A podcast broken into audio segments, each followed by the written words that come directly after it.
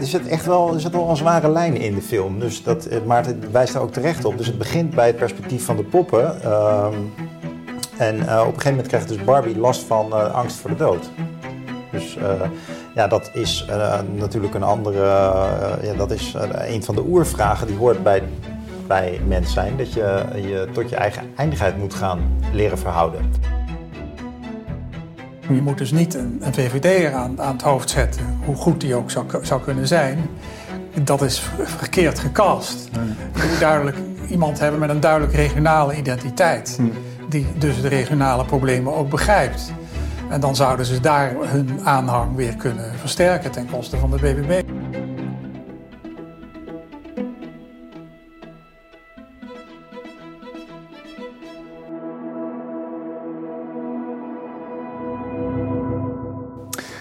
Welkom bij de Nieuwe Wereld, verdiepende gesprekken in een tijd van verandering. Mijn naam is Rogier van Bemmel. Het is zondag 30 juli en daarmee is het weer tijd voor Nieuws van de Week. Met vandaag aan tafel onze eigen Jelle van Baardenwijk. En Ad is op vakantie, dus we hadden een plekje vrij. En daar was Maarten Huigen bereid om, uh, om dat plekje in te nemen. Leuk dat je er bent, Maarten. De vorige keer dat jij hier was, uh, ging het over jouw boek Het Nut van de Man. Had je een mooi gesprek met Ad over. Ja. En, uh, ja, en je kondigde daar aan dat je een nieuw boek aan het schrijven was. Dat, was over, dat gaat over uh, onderwijsvernieuwingen in, uit het verleden en het uit de mode raken van kennis. Hmm. En uh, dat is in uh, Nederland gebeurd zo rond de jaren negentig en daarna. En daarmee was Nederland vrij laat. Want deze progressieve onderwijsmethode, waarin kennis minder belangrijk is en de zogenoemde vaardigheden, hmm. de 21ste eeuwse vaardigheden, zoals we dat noemen, dat, uh, dat stamt eigenlijk uit de 19e eeuw. En daarin kun je dezelfde vaardigheden vinden, behalve dan de digitale vaardigheden, want die bestonden nog niet. Maar wel dat een leerling het liefst zelf een trucje moest leren. En als je het ene leerde, als je dan bijvoorbeeld scheikunde, kun je automatisch ook natuurkunde. Als je het ene doet, dan kun je ook het ander. Als je in een kassa zit, om met uh, de bekende filosoof John Dewey te, uh, te, spreken, dan kun je daarna ook wel een tuin beheren en de biologie leren begrijpen. Als je een kassa bedient, dan leer je rekenen. dus die kinderen deden allemaal doelprojecten. Hmm. En dat werkte wel bij kinderen met, uh, in particuliere scholen in Amerika. Met ouders met veel culturele bagage. En, uh, en met ouders met geld. Dus, en kinderen met talent. Huh? En kinderen die talent hadden. En kinderen die heel veel talent hadden. Maar het vergroot eigenlijk de ongelijkheid. Ja. Dus uh, als je kinderen niet eerst kennis, en dat komt nu weer terug, ook in Nederland de Anglo-Saxische landen eigenlijk eerst zijn begonnen met kennis weer opnieuw te introduceren. In, uh, ging weer in de mode raakte dat. Mm -hmm. En dat zie je in Nederland ook bij de inmiddels afgetreden minister. Die erg op de basisvaardigheden begon te zitten. Waarin je echt ook wel eens iets van buiten moet leren. Misschien de tafels. Het is toch wel handig om die bagage in je hoofd te hebben. Omdat er anders te veel dingen staan te wiebelen in het uh, korte termijn geheugen, wat maar heel klein is. Mm -hmm. En wat je eigenlijk moet aanvullen met het lange termijn geheugen, en dat is de kennis. En als je alleen korte termijn geheugen iets heel nieuws moet doen, dan loopt dat helemaal mis als je te weinig in je lange termijn mars hebt zitten. Mooi. Ja. Er zijn dus nieuwe methoden in Nederland, althans. Er zijn scholen die erg op kennis zijn gaan inzetten. Dat doen ze met succes. En ze halen ook betere resultaten. Hm. Daar ben ik, ook, eh, ben ik ook geweest. Hoe, hoe is het met het boek? Want ik, uh, Ad gaat jou ongetwijfeld nog weer uitnodigen. En, ja. anders, en, anders, doe ik het wel, als het boek, er, uh, als het boek ja. er is. Maar heb je het al helemaal af? Of ben je nog in het schrijven? Ik heb het helemaal af. En is, we zijn nu bezig met de laatste uitgevers gelezen. Een goede collega, de laatste vier jaar bij NRC was ik onderwijsredacteur. Heeft ook grondig doorgespit. Mirjam Remy. Hm. Dus die fase is voorbij. En, uh, Zij is je ook wel geweest. Spelling en zinsconstructie en weet ik veel. Ja. De, de, de, titel is nog gedoe over. Dus uh, nou ja, dat. Leuk, leuke, leuke korte, ja. korte samenvatting. Nou, dat, is jou, uh, dat is hoe het met jou begint altijd een beetje met lief en leed. En, uh, dus we weten hoe het bij jou... Je bent opgelucht als ik het zo, ja, als ik ja, het zo hoor. Ja, ja, ik heb het ingeleverd twee weken... Ja, anderhalf week geleden. Ja, ah, ja dat is echt... ja, het ei, het ei is gelegd. Nou, het stemt wel optimistisch eigenlijk als ik dit zo hoor. Een terugkeer naar kennis. Ik zie het nog niet terug aan de universiteiten en hogescholen. Nee, maar misschien dus in het lager Maar die generatie die, die in die vaardigheden komt, die, ja, dat, dat is natuurlijk een heel lang, is het onderwijs, oh. heel erg van zelf leren, het nieuwe leren geweest. Nee, maar ik bedoel meer dat niet zozeer de generatie als wel dat deze onderwijsideologie van 21e eeuwse vaardigheden, dat die op alle onderwijslagen uh, is gaan domineren. En die is het klopt natuurlijk ook dat als de, eenmaal de leerlingen die op een kennisintensieve basis- en middelbare school hebben gezeten, als die eenmaal in de collegezaal zitten, Ja. Dat je daar ook eh, wel waarschijnlijk eh, wat aan hebt dan. Ja. En, eh, dat je denkt van, goh, dit is echt wel iets anders dan, Ja. dan vroeger. Maar en dat, zover is het natuurlijk nog niet, want het is nog zeker geen gelopen race. En er zijn nog heel veel nieuwe scholen die worden opgericht met het nieuwe leren. Omdat scholen daar tegenwoordig heel vrij in zijn. Dus die ideologie die heerst nog steeds. Er is nog steeds geen gelopen race. Maar je ziet dat kennis, bij, ook bij groepen leraren, en er is een enorm lerarentekort. Wat alleen maar erger wordt, dat maakt het ook niet makkelijker. Dus Ja. we zijn er nog helemaal niet. Maar je ziet een trend terug Ja. ook naar eh, het gebruiken van methoden waar ook al enige wetenschappelijke argumentatie aan de grond ligt, slag ligt. Dat wil niet zeggen dat onderwijs geven wetenschap is. Het is natuurlijk een vak, een vaardigheid. Maar eh, het is wel handig als je iets van cognitief, eh, psycho- cognitieve psychologie weet. En dan Ja. iets van de cognitief-psychologische inzichten hebt, kunt toepassen. Ja. Nou ja, Ja, dat, dat gaat een mooie duit in dat zakje doen dan, eh, jouw boek Ja. dus. Om wat argumenten aanreiken waarom zo'n manier van onderwijs geven misschien Ja. toch, eh, toch zinnig is. Dus Ja. Wie weet is dan minister Wiersma niet een, eh, een eendagsvlieg geweest, maar wordt dat gewoon... Dat hopen we, dat, weet je niet. Het kan zo weer terugvallen of ze beginnen met, onder, met totaal andere hervormingen die helemaal niet zo belangrijk zijn. En meer in de marge en die zoveel de aandacht nemen. Zo gaat het ook heel vaak. Ja. Zodat van de kern van, van het belangrijkste probleem, het gebrek aan kennis, dat, er, dat daar eigenlijk niet zoveel meer aan gebeurt. Ja. Nou, we, gaan er, we gaan er op dit kanaal, als je ervoor open staat, graag nog meer, eh, meer aan gaan besteden. Ehm, vandaag hebben we heel andere thema's voorgenomen. Maar eerst nog even horen hoe het met Jelle, met Jelle gaat. Heb jij nog wat beleefd deze week? Nou, nu Maarten dit zo zegt, dat woord eh, 21st century skills en eh, dat het misschien ook tot het verleden zal gaan behoren dat we zo over kennis denken. Dat doet mij denken aan het eh, overlijdensbericht van eh, Harry van Frankfurt. Harry Frankfurt, Hmm. dat is een Amerikaans filosoof, niet zo bekend, maar eh, op enig moment schreef hij een essay. waarmee die toch opeens wel breder werd gelezen. En dat, Ja, essay ging eigenlijk over. essay, ja. Ja, het, het essay heet On Bullshit. En, ehm, we kennen die term niet echt in Nederland, maar het betekent zoiets als kletspraat. Maar hij zit natuurlijk een beetje zwaar aan, dus het letterlijk vertaalt een essay over stierenpoep. Eh, over onzintaal.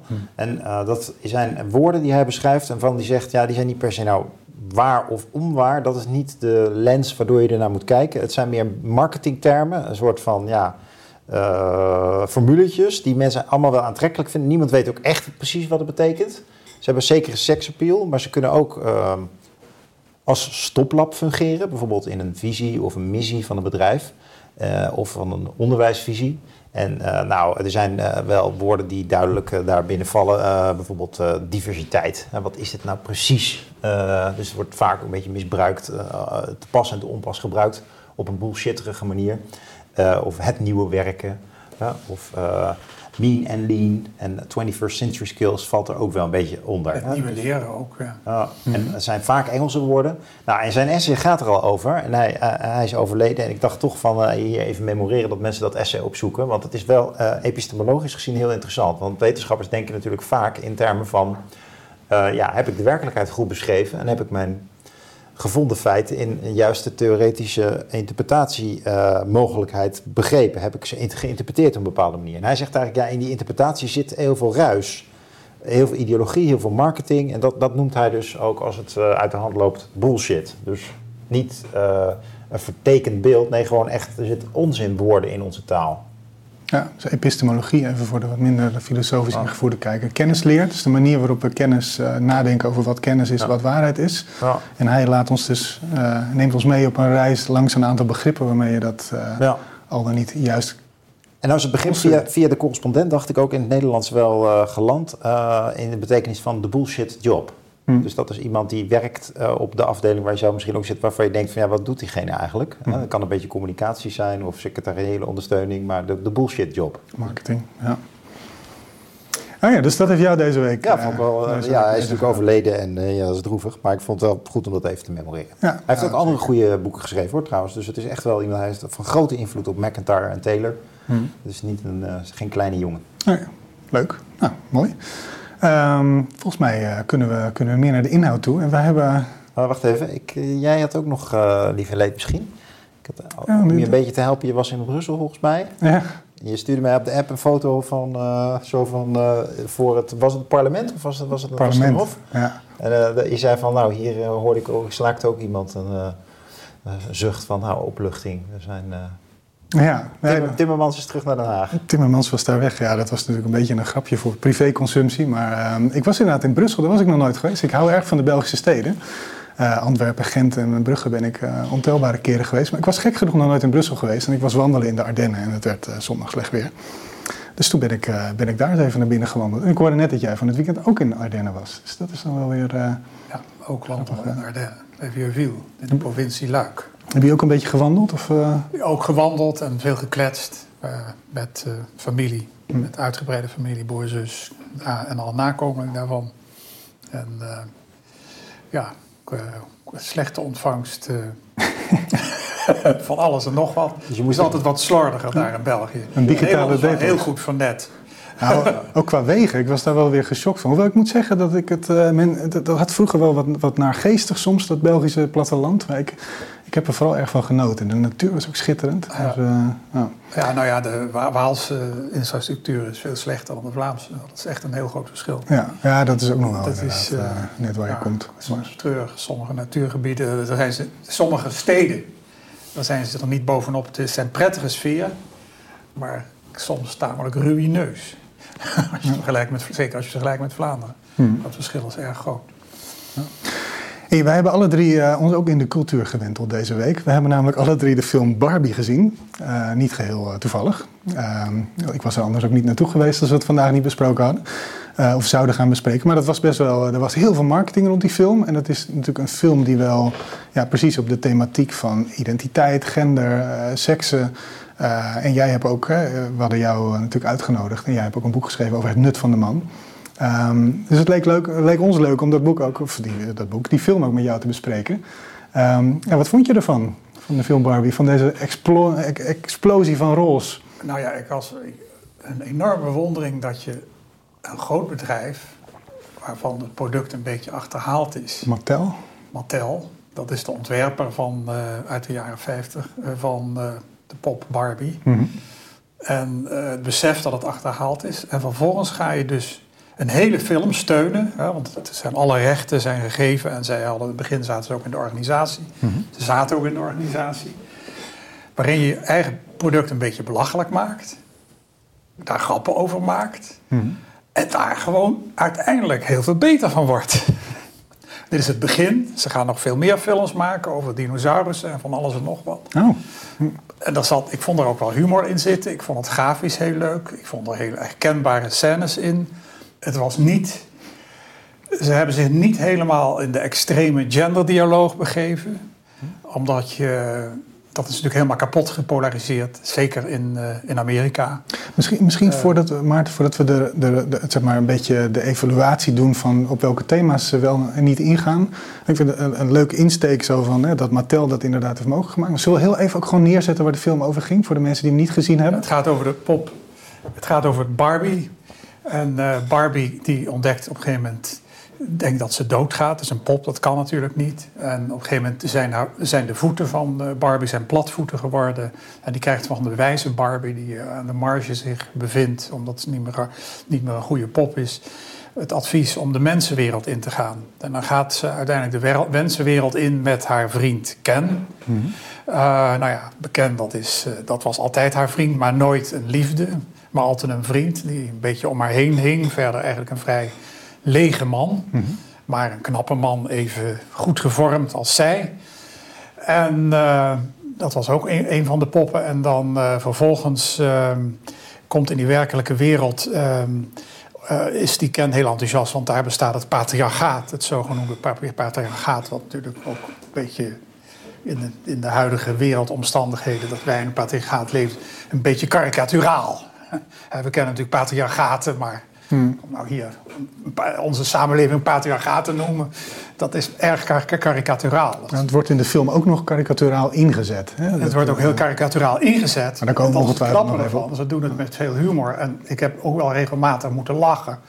Dus ook op de manier, want op een gegeven moment weten ze dan, als ze weer terugkomen in Barbieland met twee echte mensen, namelijk de voormalige eigenaar. Ze moest haar voormalige eigenares zien te vinden, want die voet die zat niet meer goed. Omdat die eigenares, die wilde haar niet meer hebben. En toen heeft ze die eigenares gevonden. Dat was de moeder van de oorspronkelijke eigenares, die een beetje nostalgie had naar vroeger en met die Barbie wilde spelen. En die hebben ze meegenomen. Maar toen inmiddels had Ken van, van de Barbie-wereld het patriarchaat gemaakt. En uh, dat vond hij wel fijn, want ja, Barbie is eigenlijk de man een beetje een lege figuur. En uh, alle mooie functies zijn ook in bezit van uh, vrouwen. Het is een soort. Hè, dat was aanvankelijk was het allemaal heel traditioneel, maar langzamerhand is het echt een utopie geworden van vrouwen die voorzitter van de Hoogrechtshof zijn, zonder diploma's. want diploma's moet je in de echte wereld halen.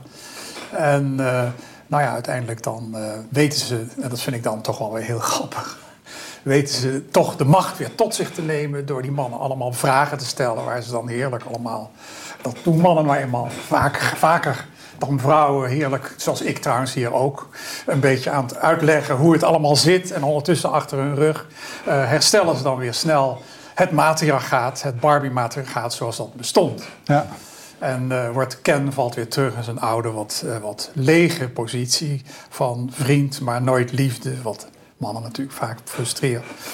En uh, nou ja, dat, dat is een beetje zo de, de loop van het verhaal. Ja. Maar ja, dat zaten buitengewoon. Ik vond het leuk geschreven.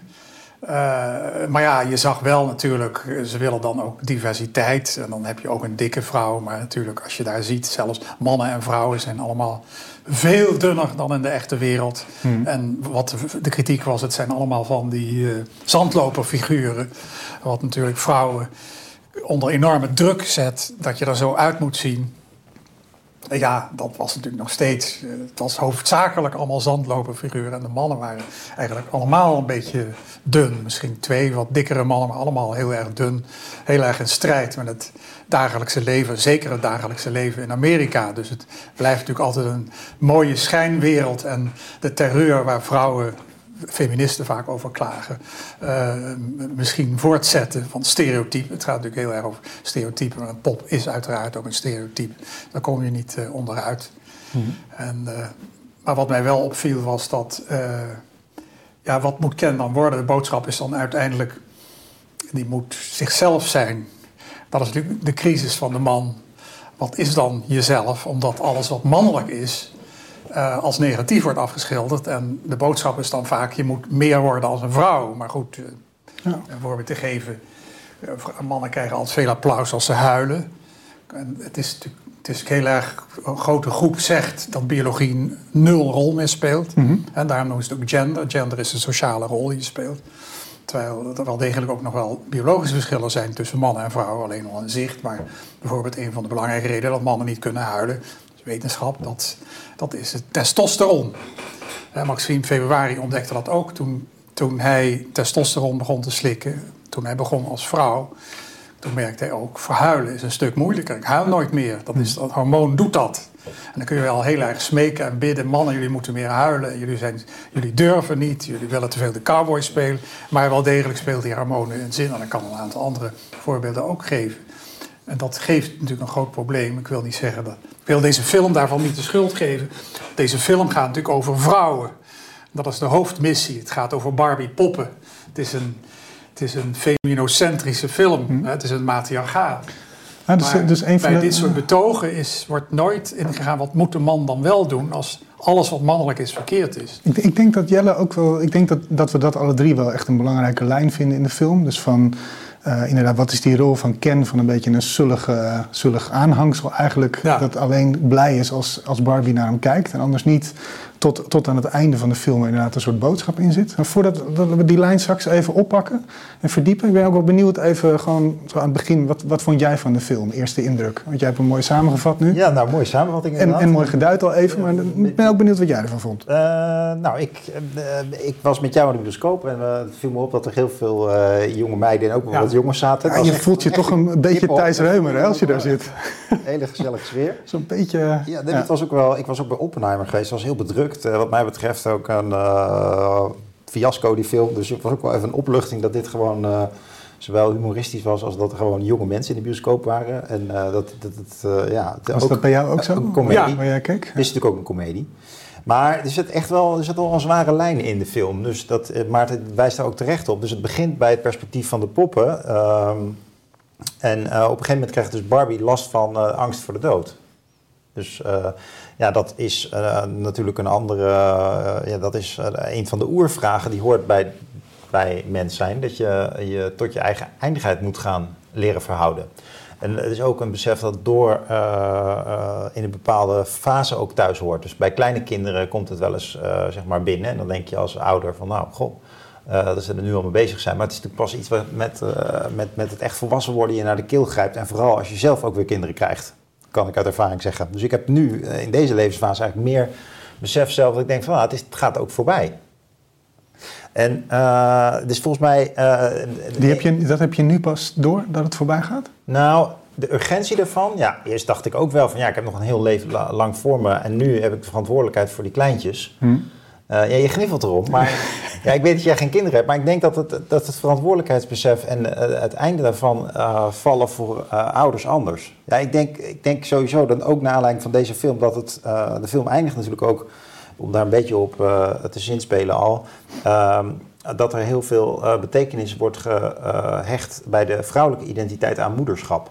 Dus dan, dan houdt ze ook een soort redenvoering van ja, als vrouw is het ook ingewikkeld. Je bent moeder en je wordt misschien rechter, je bent moeder en je moet een loopbaan maken. Het is heel, het is heel belangrijk, ouderschap denk ik, voor identiteitsvorming en ook voor ja, acceptatie van het leven, de grenzen van het leven en bedenken van hoe ga ik, wat ga ik nog kunnen doen. Als je geen kinderen hebt, is maar de vraag of je dus ook ten diepste weet wat het betekent om man of vrouw te zijn. Dat gaat dus echt denk ik heel ver. Ook in de zin van dat ook kinderen je pas confronteren met dat een vrouw een andere rol heeft. He, nu ga ik al een beetje eh, ver in interpreteren, maar ik zie dat ook bij mijn eigen vriendin. Maar de, uh, kijk, sowieso, een, een vrouw deelt al zichzelf met het kind. En de man niet. De man die ziet het kind toch meer objectief. De vrouw splitst het kind letterlijk af van zichzelf. Dus die heeft al altijd al. Die zit veel dieper verweven met het kind. Inge, uh, er zijn allemaal resonantiesferen tussen, tussen moeder en kind. En dat is de, denk ik, bij een gewoon gehecht kind blijft dat op, op hoge leeftijd bestaan. Met, met als grote pijn, denk ik, zeker voor moderne vaders, dat het kind in het geval van echte problemen dus ook naar de moeder gaat en niet naar de vader. Dus het is helemaal niet zo dat moeder en vader in die zin echt een gelijke relatie hebben tot hun kind. Dat geloof ik helemaal niet meer. Maar dat heeft echt met die biologie te maken. Goed, het kan natuurlijk allemaal uh, cultureel gecompenseerd en veranderd, dat geloof ik maar wel. Maar dus even nog ingrijpend op die biologie, die, dat moederschap. Hoe kom ik hier nu op? Even terug naar die... Naar die... Nou, ik wil daar nog wel een asterixje bij zetten, hoor. Bij, die, bij die, ja. wie, de primaire, uh, wie de primaire persoon is om naartoe te gaan met problemen. Dat hangt ook heel erg vanaf welk geslacht het kind heeft en de relatie met de ouders specifiek. Ja. Ik denk niet dat je dat zo algemeen kan zeggen. Even als asterix. Maar, ja. uh, maar op zich het idee dat geslachtelijkheid en voortplanting, dat is een observatie die Freud al deed. Wij mensen kunnen ons niet, als, als jij je wil voortplanten, kun jij niet voortbestaan. Je moet je delen met een vrouw, versmelten met een vrouw. En dan komt er een kind uit dat niet jou is.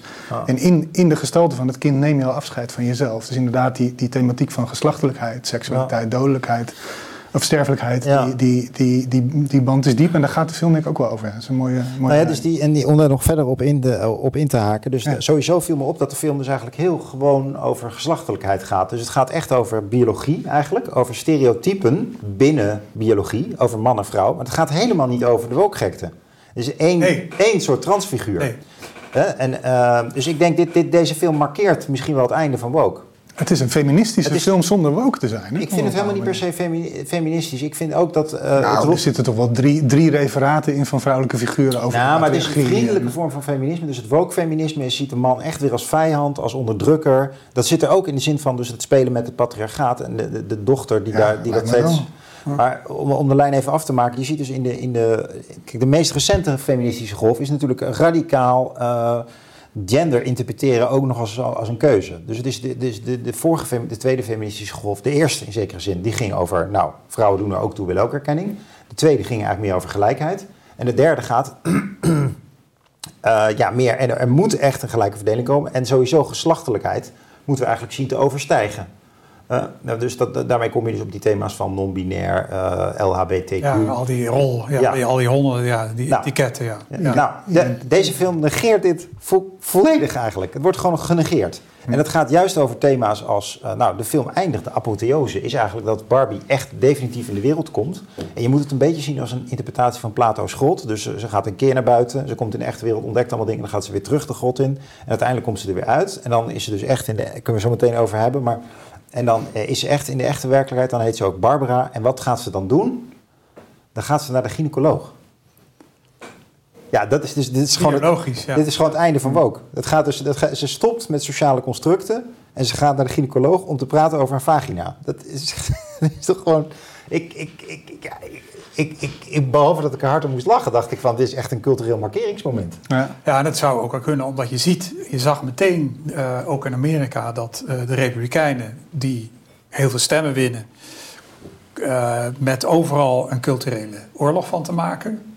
Dat is toch een belangrijk, om belangrijke kwesties uit de weg te gaan, is dit iets waar je veel mensen over in opwinding krijgt. En ik denk ook dat ze enorm hebben geprobeerd om dat te voorkomen. Ze hebben het ook geprobeerd. Er was een van de uh, bekende vrouw die veel twittert. Een vrouw van een congreslid heeft iets gezegd over dat de uh, gezinswaarden hierdoor in gevaar kwamen. Maar ze durven het niet helemaal te veroordelen. Dat zegt al wat. En een andere republikein heeft het aangevallen op die tekening. Daar stond de Chinese zee. Uh, die stond getekend als eigendom van China. Waardoor het overigens niet meer vertoond wordt in Vietnam en de Filipijnen. Maar, uh, en dat was dat wantrouwen niet geheel onterecht, want, omdat uh, een, een Amerikaanse filmmakers vaak wijken voor de smaak van Chinese censor. Hm. Dus dat je daar een beetje wantrouwen over bent, vond ik niet helemaal onbegrijpelijk. Ja, maar ik kijk niet alleen dus, naar de bedoelingen van die filmmakers, maar ook terug naar die zaal, die bioscoopzaal hoe populair het is, ook in de merchandise. Uh, ook sowieso dat wij erop kwamen, hè, dat ik zei van deze film moeten we gaan zien en bekijken, dat, dat zegt iets. Dus het, het, het, resoneert. Dus het kan best zo zijn dat er allemaal bewust uh, ook een marketinginspanning. niet ingespeeld wordt op politieke discussies. Ja, maar die, je proeft aan die marketing al, daar zitten vakmensen in. Nee, maar er speelt, dus, er speelt wel, ja, ben ja, ook met je en, en de bullshit, om maar even met Frankfurt te, spe, te, spelen, die zit wel in de film. Dus bijvoorbeeld Ken heeft een bullshitbaan, die is namelijk niet beached. Dus hij loopt op het strand en hij chillt daar een beetje. En dat beachen is niet dus mensen redden. Dat op een gegeven moment dan komt hij ook in de echte wereld. Dan wil hij ook eigenlijk open solliciteren voor een rol als um, uh, lifeguard. En dan zegt die lifeguard ook van, nou, of, dan is ook de vraag van, ja, mensen redden of zo, maar dat kan hij helemaal niet. Hij wil beachen, dus hij wil een beetje stoer rondlopen. En, uh, en dat is volgens mij een bullshitbaan. Een bullshitbaan in de zin van, iemand is aanwezig op het werk geeft ook een bepaald soort sfeer. Uh, hoort bij de entourage. Is ook, mensen vinden het ook belangrijk. Maar wat iemand doet, hè, als je het hebt over kennis of zo, of ambacht, nee, dat zit er niet in. Iemand is gewoon letterlijk uh, alleen maar aanwezig en vindt zichzelf belangrijk. Ja, nou, misschien het, is ook, het is ook een mannelijk stereotype, een bepaald mannelijk stereotype. Ophef over niks. Uh, ja, nou oké, okay, maar die flirt, die flirt zie ik er dan ook nog wel in. Ja, maar ik denk dat dat natuurlijk ook wel kunnen. Ja. maar, maar, laten we die lijn even oppakken van dat baantje van, van dus de rol van Ken in de film. Want eigenlijk, jij, jij begint over dat geslacht dus heel belangrijk is. Uh, daar wil ik ook nog wel even op terugkomen. Ik heb er ook nog wel een observatie over. Maar laten we, laten we een beetje de diepte induiken. En even die lijn van inderdaad, wat is de rol van Ken in die film? Nou, jij, jij schetst eigenlijk al, aanvankelijk is hij aan het beachen. Hij staat daar gewoon om. En alle banen, zelfs ook uh, construction work, dus, dus werk aan de weg, wegwerkers, bouwvakkers, die, dat zijn allemaal vrouwen. Dat zijn, dat zijn roze Barbies. Die, uh, dus daar zijn ze ook heel erg over verbaasd als ze in de echte wereld komen. Of in ieder geval hun, hun stereotype versie van onze echte wereld, laten we het even zo noemen. dus alle echte wezenlijke banen, en dus ook het presidentschap en de Hoge Rechtshof, wat jullie al noemden, dat is allemaal in handen van Barbie. En Ken, ja, die staat er een beetje ja, aangeslachtelijk, staat hij staat daar in de ronde. En jij zegt, ja, hoe, hoe, zie jij die ontwikkeling van, van zijn rol in die film? Wat wil die film eigenlijk ons zeggen over de rol van die man? Want het is wel een thema. Ja, de rol van de man is dat de traditionele rol. Nou had hij, ken dat natuurlijk al niet in Barbieland, maar hij komt in het patriarchaat. Dat zijn wij dus. En uh, hij vindt, vindt nog steeds dat wij in een oud patriarchaat wonen en dat uh, daar uh, nog steeds veel te veranderen valt. Dat is eigenlijk de boodschap. Het heeft waarschijnlijk ook wel met het Amerikaanse klimaat te maken, waar uh, het Hoge Rechtshof tegen de zin van de meerderheid van de Amerikanen een aantal uh, recht, het is, ja, abortus, het ja. verbod van abortus mogelijk heeft gemaakt. Joe V. Wade is een aantal deelstaten. Dus er, zijn, er is staat nu voor Amerikaanse vrouwen op dit moment meer op het spel dan bijvoorbeeld voor Europese vrouwen. Dat abortusverbod dat is, dat, dat, dat verdwijnt hier overal. Dus in die zin is de strijd daar nu weer veel heftiger over oude vraagstukken. En dat maakt ook die hele genderkermis natuurlijk een stuk minder belangrijk. Als je een film wil maken, en ja, het is eigenlijk ook de erkenning, de erkenning dat, uh, dat, dat het, niet heel erg leeft, die LHBT enzovoort, die eindeloze varianten die mogelijk, mogelijk zijn. Niet dat dat allemaal niet bestaat, maar niet, is dat nou, zijn dat de grootste problemen waar we mee te maken hebben. Maar wel een groot probleem is natuurlijk wel, en dan kom je weer op mannelijkheid en vrouwelijkheid, dat vrouwelijkheid ook door de Bond van uh, Amerikaanse psychologen, dus de richtlijnen voor therapie, dat vrouwelijkheid niet als negatief wordt gezien, maar mannelijkheid eigenlijk wel. Dus eigenlijk de boodschap is toch dat je mannelijkheid moet afleren. En dan, dan treden we de utopie en dan treden we de zalige wereld in. Nou, dit, dit moet je even, dit, dit moet je even uitleggen. Want dus, dus de, de Bond voor Psychologen, dus de... De, de Association, uh, American Psychological Association, ja, die, die brengt richtlijnen uit voor uh therapie. En daarin is hun, hun richtlijnen voor Amerika, voor, voor mannen zijn dat mannelijkheid uh, ja, allerlei kwalijke gevolgen kan hebben. Maar wat is mannelijkheid in dat Mannelijkheid kan uh, te veel assertiviteit, je ophangen aan een mannelijke rol. Uh, uh, natuurlijk seksueel uh, misbruik wat zich kan voordoen. Natuurlijk de hele lijst die we natuurlijk allemaal mee, meemaken. Maar seksueel misbruik wordt als deel van mannelijkheid gezien. Dat vind ik wel een opvallende ja, seksueel, associatie. Eigenschappen van, van dominantie, van assertiviteit, van agressie. Hm. dat wordt dan als typisch mannelijkheid gezien. Terwijl natuurlijk ook uh, bijvoorbeeld zelfoverschatting. Hè, want uh, het gaat nu heel slecht met jongens in het onderwijs. Een van de oorzaken is ook dat ze zichzelf overschatten. Hm. Dat heeft ook voordelen. Je gaat een, niet een oorlog in als je jezelf niet op een bepaald moment overschat. Met hele kleine kans. Je gaat niet. Mannen hebben ook de neiging om sneller in het water te springen als iemand verdrinkt. Hm. Ja, dat doen mannen nou eenmaal eerder dan vrouwen. Ja, daar zit een negatieve kant aan, dat ze ook de neiging soms hebben om zichzelf te overschatten. En in het huidige onderwijs, dat is dan waardoor eigenlijk mannen vaak meer discipline nodig hebben. Mhm. Minder uit zichzelf werken, minder uit zichzelf. Hè, dus in het, in het zelf leren, in het nieuwe leren, waarin kinderen het zelf moeten doen, dat werkt veel beter bij vrouwen dan bij bij mannen werkt. Mhm. Die hebben vaak, veel mannen, dat is altijd statistisch, er zijn natuurlijk mannen die dat perfect kunnen. Maar mannen hebben daar, uh, veel mannen hebben daar meer leiding bij nodig. En, en zeker opgroeiende mannen. En uh, die varen daar beter bij. Hm. En uh, dit, met dit soort verschillen wordt te weinig en er wordt te veel gezien dat het niet biologisch is en dat het gewoon een rollenspel is wat je moet afleren. Hm. Ja, en Terwijl dat wordt gemedicaliseerd. Dus men zegt eigenlijk het is een, het is een uh, pathologie. Het is een, het is een psychologiseerd, ja. Ja, het is een afwijking. Ja. Dus krijg je terwijl, het eigenlijk, terwijl het eigenlijk typisch mannelijk is. Ja. Maar dit, dit, dit, past natuurlijk helemaal bij de moderne communicatieve kapitalistische staatsmaatschappij. Hè, waarin je eigenlijk heel veel dingen moet regelen met de computer, aardig moet zijn, empathie moet... Dat zijn allemaal typisch vrouwelijke eigenschappen die juist uh, waar de premie op staat. Ook als je ze als man hebt. Hmm. dus dus in, juist in een maatschappij waarin het gevaar weg is, uh, daar wordt nog eens. Dus het is niet alleen zo dat die eigenschappen van mannen op een bepaalde manier constant zijn. Ik denk namelijk dat ze ook wel beschaafd zijn geraakt. Als ik vergelijk met mijn bijvoorbeeld ooms en opa en oma dan. Ja. Uh, wat, nee, nee, maar hoe toen mannelijkheid, dat is we, de, de, de, de botte harken van nu zijn echt een stuk beschaafder ja. volgens mij dan 30 jaar geleden. Ja. Maar ja, we hebben gewoon een economie en een, een, een werkomgeving en een burgerlijke omgeving gecreëerd waarin ook echt ja, uh, je kan niks meer jatten bij de Jamin, zeg maar. Dus dat is, dat is gewoon echt absoluut fout nu. Je kan geen verward persoon bij de Albert Heijn meer zijn. Je, je krijgt direct de politie op je dak. Ja. Dus de, de, de, tolerantie gaat dus erg omlaag. Dus die kant zit er ook nog bij. Ja. Mooie, mooie aanvulling inderdaad. Maar jij, jij um, ik onderbrak je eigenlijk van ligt dit iets meer toe. Maar wat jij eigenlijk zegt is ja, dat deze film niet gaat over woke, go woke, go broke. Deze film gaat over iets anders. Die gaat dus over de rollen van mannen en vrouwen. En dan ja. ook wel met betrekking op de biologie en de geslachtelijkheid. En daarin zie je dus eigenlijk dat in de wereld, de fantasiewereld van Barbieland, Ken eigenlijk een sukkeltje is. Uh, ze komen dan in het patriarchaat of in de, in de echte wereld. Daar, wordt hij, ja, daar ziet hij eigenlijk wat er ook mogelijk is. En daar onderbrak ik je ongeveer. Kun je ja, daar zit hij waar het ook mogelijk is. En dan ziet hij natuurlijk mannen leiding geven. En dan zijn natuurlijk in de top zie je nog steeds veel meer mannen. Dat vindt hij natuurlijk geweldig.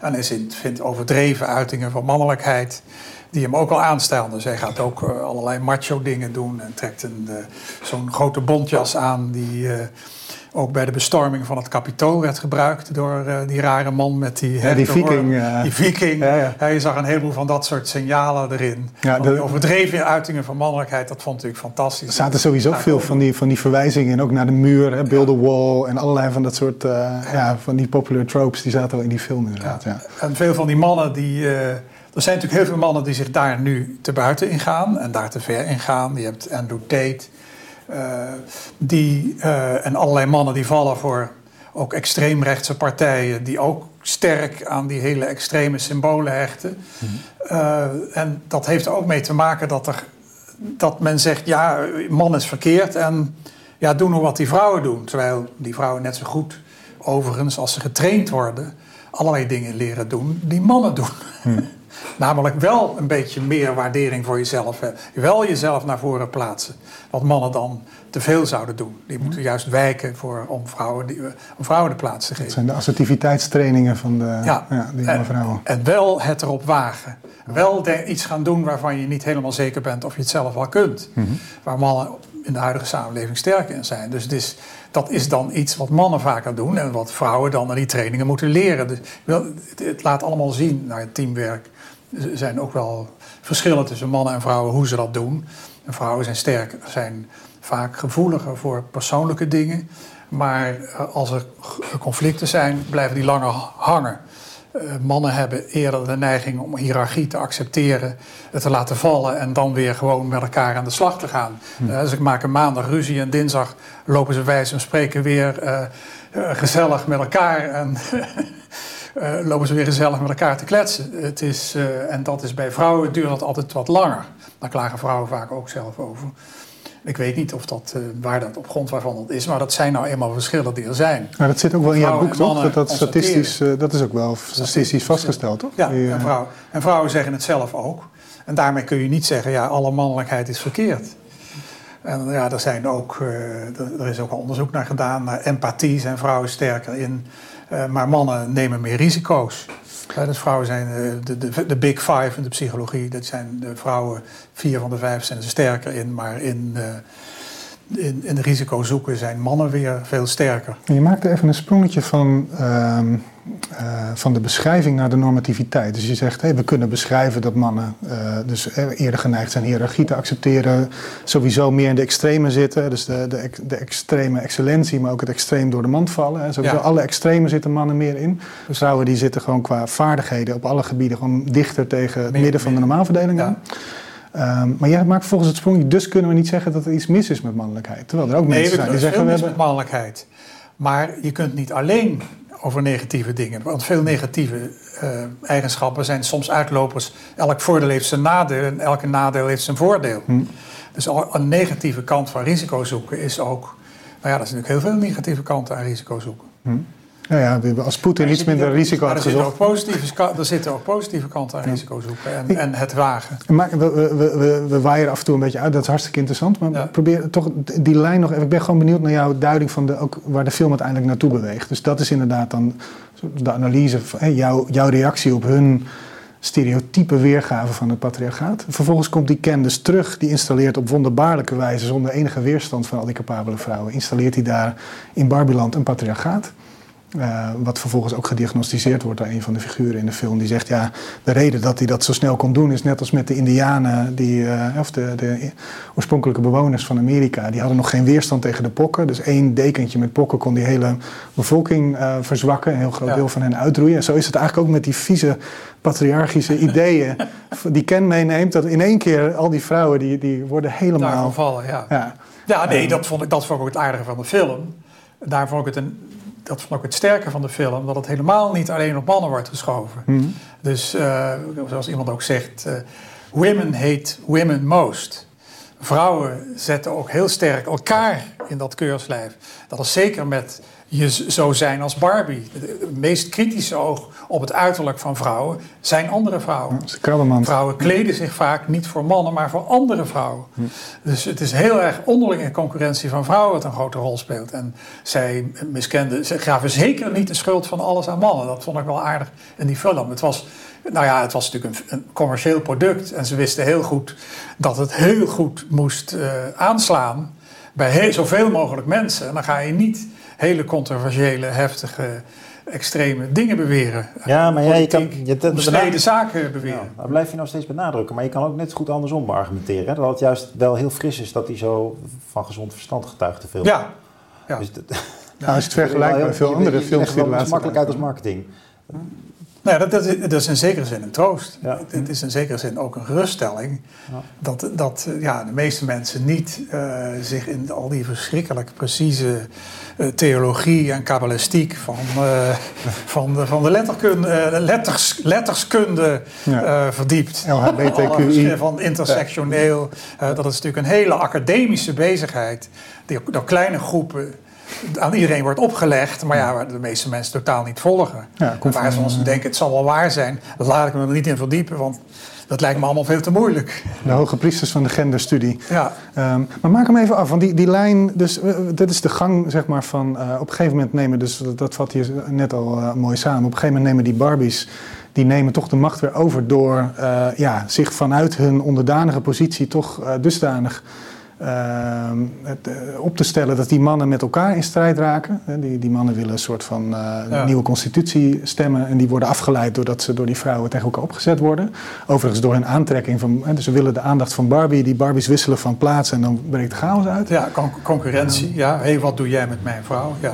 En dan op het, op het einde uh, is eigenlijk de oplossing is dat Ken zich los, gaat, los van Barbie gaat ontwikkelen, dat hij zichzelf gaat vinden. Dat is eigenlijk de, de oplossing van de film. En Barbie die gaat terug naar de echte wereld. Ja. Wat vond jij van die, van die oplossing van de, de, de, ja, de karakterontwikkeling nou, van Ken? Het is altijd goed dat je je niet aan, aan stereotypen vastbijt. Maar om zomaar jezelf te vinden is natuurlijk helemaal leeg. Jezelf zijn is ook leeg. Dat is een van die uitdrukkingen. Uh, bullshit. Uh, jezelf zijn is gewoon bullshit. Hm. Je hecht natuurlijk altijd, je past natuurlijk altijd aan aan een sociale orde. Je moet sociale normen hebben. Je kunt niet volledig jezelf zijn. En zeker voor mannen is dat het grote probleem. En met name bij mannen ehm, aan de onderkant van de samenleving. Die hebben eigenlijk het grootste probleem. Die vrouwen willen nog steeds traditioneel een man, de meeste vrouwen dan, die hetzelfde of beter is opgeleid dan zij. Dat betekent dat laag opgeleide mannen eigenlijk, ja, in Nederland geloof ik, een derde van de laag opgeleide mannen krijgt geen kinderen. Hm. Terwijl 15% van de laag opgeleide vrouwen geen kinderen krijgt. Dat is echt een enorme kloof. Dus daar zijn vrouwen eigenlijk niet in geïnteresseerd. Uh, dus dat betekent, dat is nog steeds helemaal zoals vroeger. Er is nog steeds een soort hiërarchie ja. daar. En eh, nou ja, wat, wat moet je die mannen zeggen? Wat moeten ze doen? Ze kunnen niet traditioneel mannelijke dingen doen, terwijl sommige vrouwen dat zeer op prijs stellen. Sommige vrouwen vinden het heerlijk. Als die man daar nog even hun elektrische problemen even oplost, dat is ook een soort rolverdeling, een spel mhm. kan dat zijn. Uh, dat zag je trouwens ook heel leuk in die film. Ga jij dit even voor mij opknappen? Dan gaat die man meteen aan de slag om dat voor die vrouw te doen. Mhm. Ja, dat is een soort spel onderling waarin iedereen een andere rol, niet allemaal precies hetzelfde heeft. Uh, het is heel moeilijk voor mannen nu, en zeker als je aan de onderkant van de samenleving, waar, wat moet ik eigenlijk zijn? Mm wat moet ik zijn om ja, meesten willen dan met een vrouw. Uh, hoe, hoe, moet ik dat doen als vrouwen eigenlijk op mij neerkijken?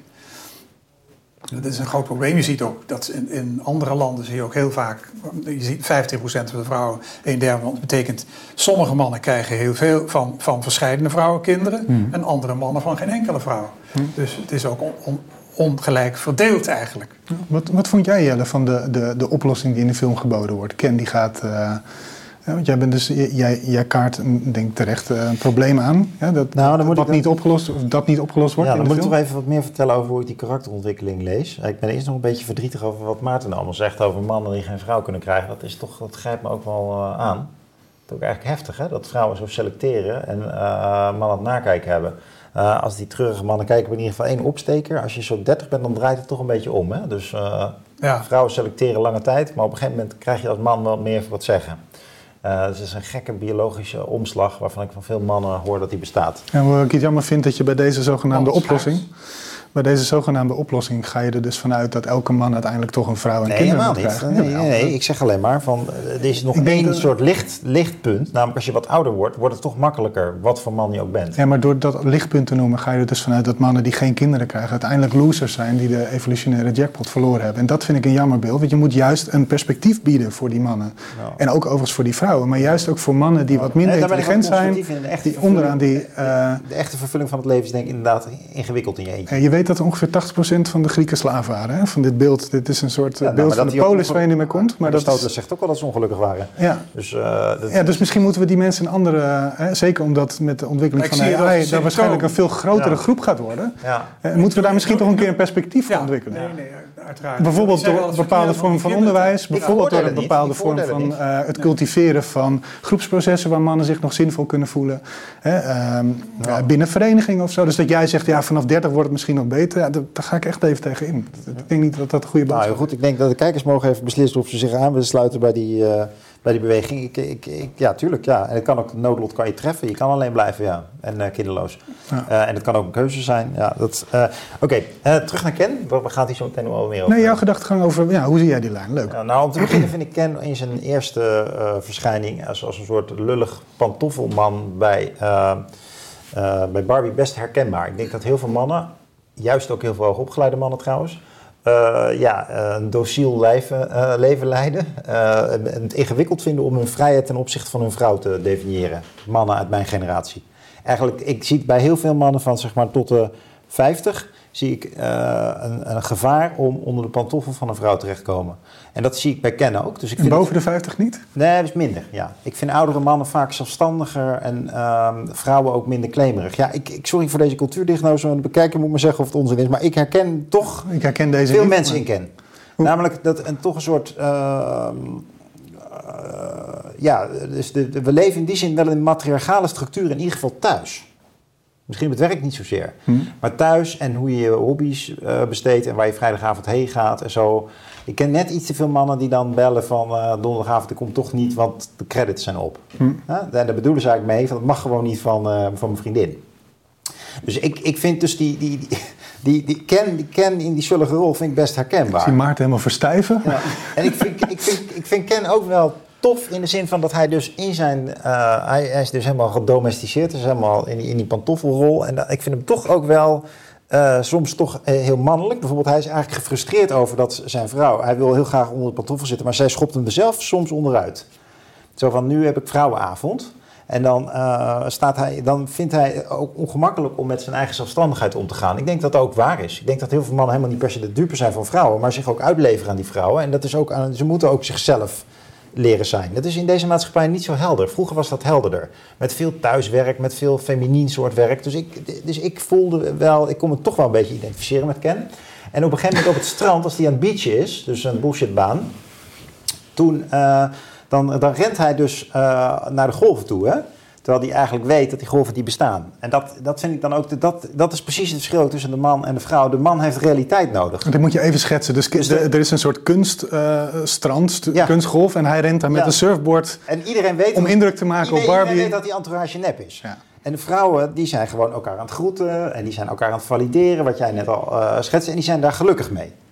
Uh, en die krijgen ondertussen doodsangsten, maar uh, die drukken ze weer weg en dan gaan ze elkaar groeten. Zoals ook vroeger op de middelbare school, maar zoals ook vrouwen ook heel vaak met vriendinnen bellen, veel vaker dan mannen. Dat is even dan, misschien is het subjectief, maar ik denk dat heel veel mannen het herkennen, dat vrouwen veel dingen bespreken met elkaar en ook dubbel, drie, vierdubbel. Dus dat wil zeggen, je maakt iets mee, je belt eerst vriendin 1, dan 2, dan 3, dan 4. Het ligt aan de leeftijd en hoeveel je om handen hebt, maar vrouwen zijn daar meer toe geneigd dan mannen. Dat zit helemaal in de film. Voortdurend de validatie van anderen zoeken. Terwijl die man, die, Ken, Barbie, die heeft dat veel minder. Die, die, irriteert zich ook. Dan gaan andere kenners ook ooit tegen hem zeggen. Hij, hij, hij, hij, denkt echt, fuck, al die mannen, daar moet ik mee concurreren. dat herken ik zelf ook nog van de middelbare school. Dat, nee, wat, dat, dat, gaan ze allemaal, ik wil helemaal niet iedereen vrienden zijn. Dat vind ik vrouwelijk. En volgens mij is dat ook uh, een oertrek die meer feminien is. Maar goed, um, dan, ik ken dus op het strand en op een gegeven moment besluit hij dus stoer te gaan doen uh, ten opzichte van Barbie om haar aandacht te trekken, maar ook ten opzichte van die andere mannen. Hij gaat namelijk nu echt het water. Hij gaat de confrontatie met de realiteit aan. Hij gaat zwemmen. Hij gaat surfen. En dat lukt niet, dus hij loopt keihard tegen de muur op. En ik denk wel, dat dat iets mannelijks is in de film. Dat, dat, dat, dat mannen inderdaad, die bravoure van mannen, die man die wil beuken en ontdekken van ja, dat is die Mars-energie. Ja, shit, weet je wel, je verliest. Maar je gaat wel de strijd op leven en dood aan. Terwijl de, de, vrouw die staat daarbij en die belt ook direct de ziekenwagen. En ja, ik denk dat dat wel een motief... En daar vond ik Ken toch ook aan het begin, het tweede punt, heel realistisch. Ik zie heel veel mannen dit doen.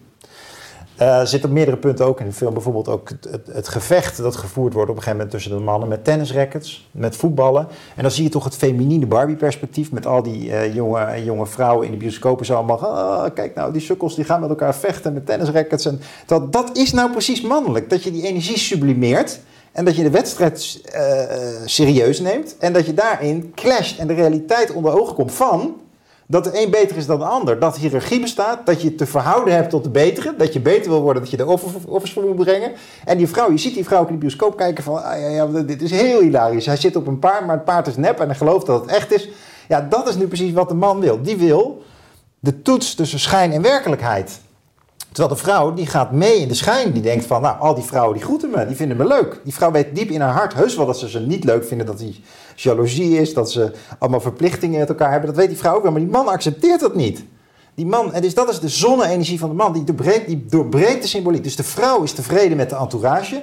Daarom is de vrouw ook uh, volgens mij heel sferisch over het algemeen. En veel, veel gezelliger en kan het eten lekker aankleden. Terwijl de man denkt, ik wil gewoon eten. Ik wil niet dineren, ik wil gewoon eten. Dat is natuurlijk een beetje de ruwe versie die ik nu presenteer. Maar dat zit denk ik echt heel goed in de film. Dat verschil tussen uh, de man die de realiteit onder ogen wil komen en daardoor zichzelf wordt. En de vrouw die uh, zich tevreden stelt met de symboliek die haar valideert, terwijl ze donders goed weet dat het nep is. Nou, ik zal meteen wel meer over zeggen. Maar... Wat, hoe vind jij dat de film deze, zeg maar deze behoefte van de, de man, de archetypische man, aan een confrontatie met de werkelijkheid, aan de strijd aangaan, aan hiërarchie, hoe vindt hij uiteindelijk een, een, een, plek binnen, binnen de, de uh, ja, de, de karakterontwikkeling van Ken in de film? Of heb je het idee nou, dat dus, slaagt, slaagt, slaagt dit verhaal in de film? Nou, je ziet wel dat Ken worstelt met, zijn met de erkenning. En daar zit wel een probleem in. Dat die vrouwen dus ook, uh, die zijn dus tevreden met dat zij... De Barbie is iedereen, hè? dus je hebt succesvolle Barbie, je hebt gekke Barbie. Je hebt, en bijna niemand kan echt wat. Diploma's zijn ook maar gewoon alsof het etiketten zijn. Dus het zijn 21st century skills kinderen. Die denken dus omdat ze op een bepaalde manier met bepaalde papieren en huidskleur en geslacht en, enzovoort ergens staan, dat ze iets voorstellen. Hmm. Terwijl het mannelijke perspectief op iets voorstellen is natuurlijk dat je iets kunt.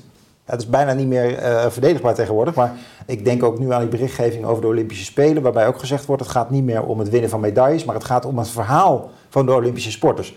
Dat zit ook heel erg in Barbie. Het is het, die Barbies die geloven allemaal: oh, je bent rechter, nou wat leuk, je hebt een pakje van de rechter aan, dat zal het wel zijn. Uh, die gelooft daar in eerste instantie al niet in. Die is al tevreden met dat hij een soort sloof is. Maar die ziet ook volgens mij wel in van ja, het maakt ook helemaal niks uit. Wat is eigenlijk precies het verschil van dat als ik rechter zou zijn geweest? die, die, die, die, en die zoekt daarnaar. En ik weet niet of die inhoudelijke ontwikkeling nou zeer goed in de film zichtbaar is. Maar volgens mij is dat wel um, waar, het, waar het naartoe zou moeten. Dus dat je beroepen weer begrijpt vanuit dat je iets inhoudelijks kunt. En op een bepaald moment in die ontmoeting met die lifeguard zie je dat natuurlijk wel. Hè? Dat die lifeguard zegt, ja, maar als je wil beachen, dan moet je wel iemand kunnen redden. Ja. en, um, maar Ken die is al zo geïndoctrineerd dat hij al blij is dat hij als man überhaupt uh, iemand kan aanspreken. Dat hij in zijn uniform kan staan. Ja. Dus dat, uit kan zien als. Ja, dus die is nog uh, op een vlakker niveau tevreden. Hm. Ik had ergens het idee dat hij uh, juist ook op het, op het thema van het ontwikkelen van vaardigheden, dat die, die dochter, die is, uh, ja, dat is een, een, een Gen Z'er denk ik, hè, die, die, uh, die, die dus aanvankelijk de Barbie had, die hem eigenlijk weggegooid heeft, die Barbie ook fascistisch noemt en dat allemaal niks vindt.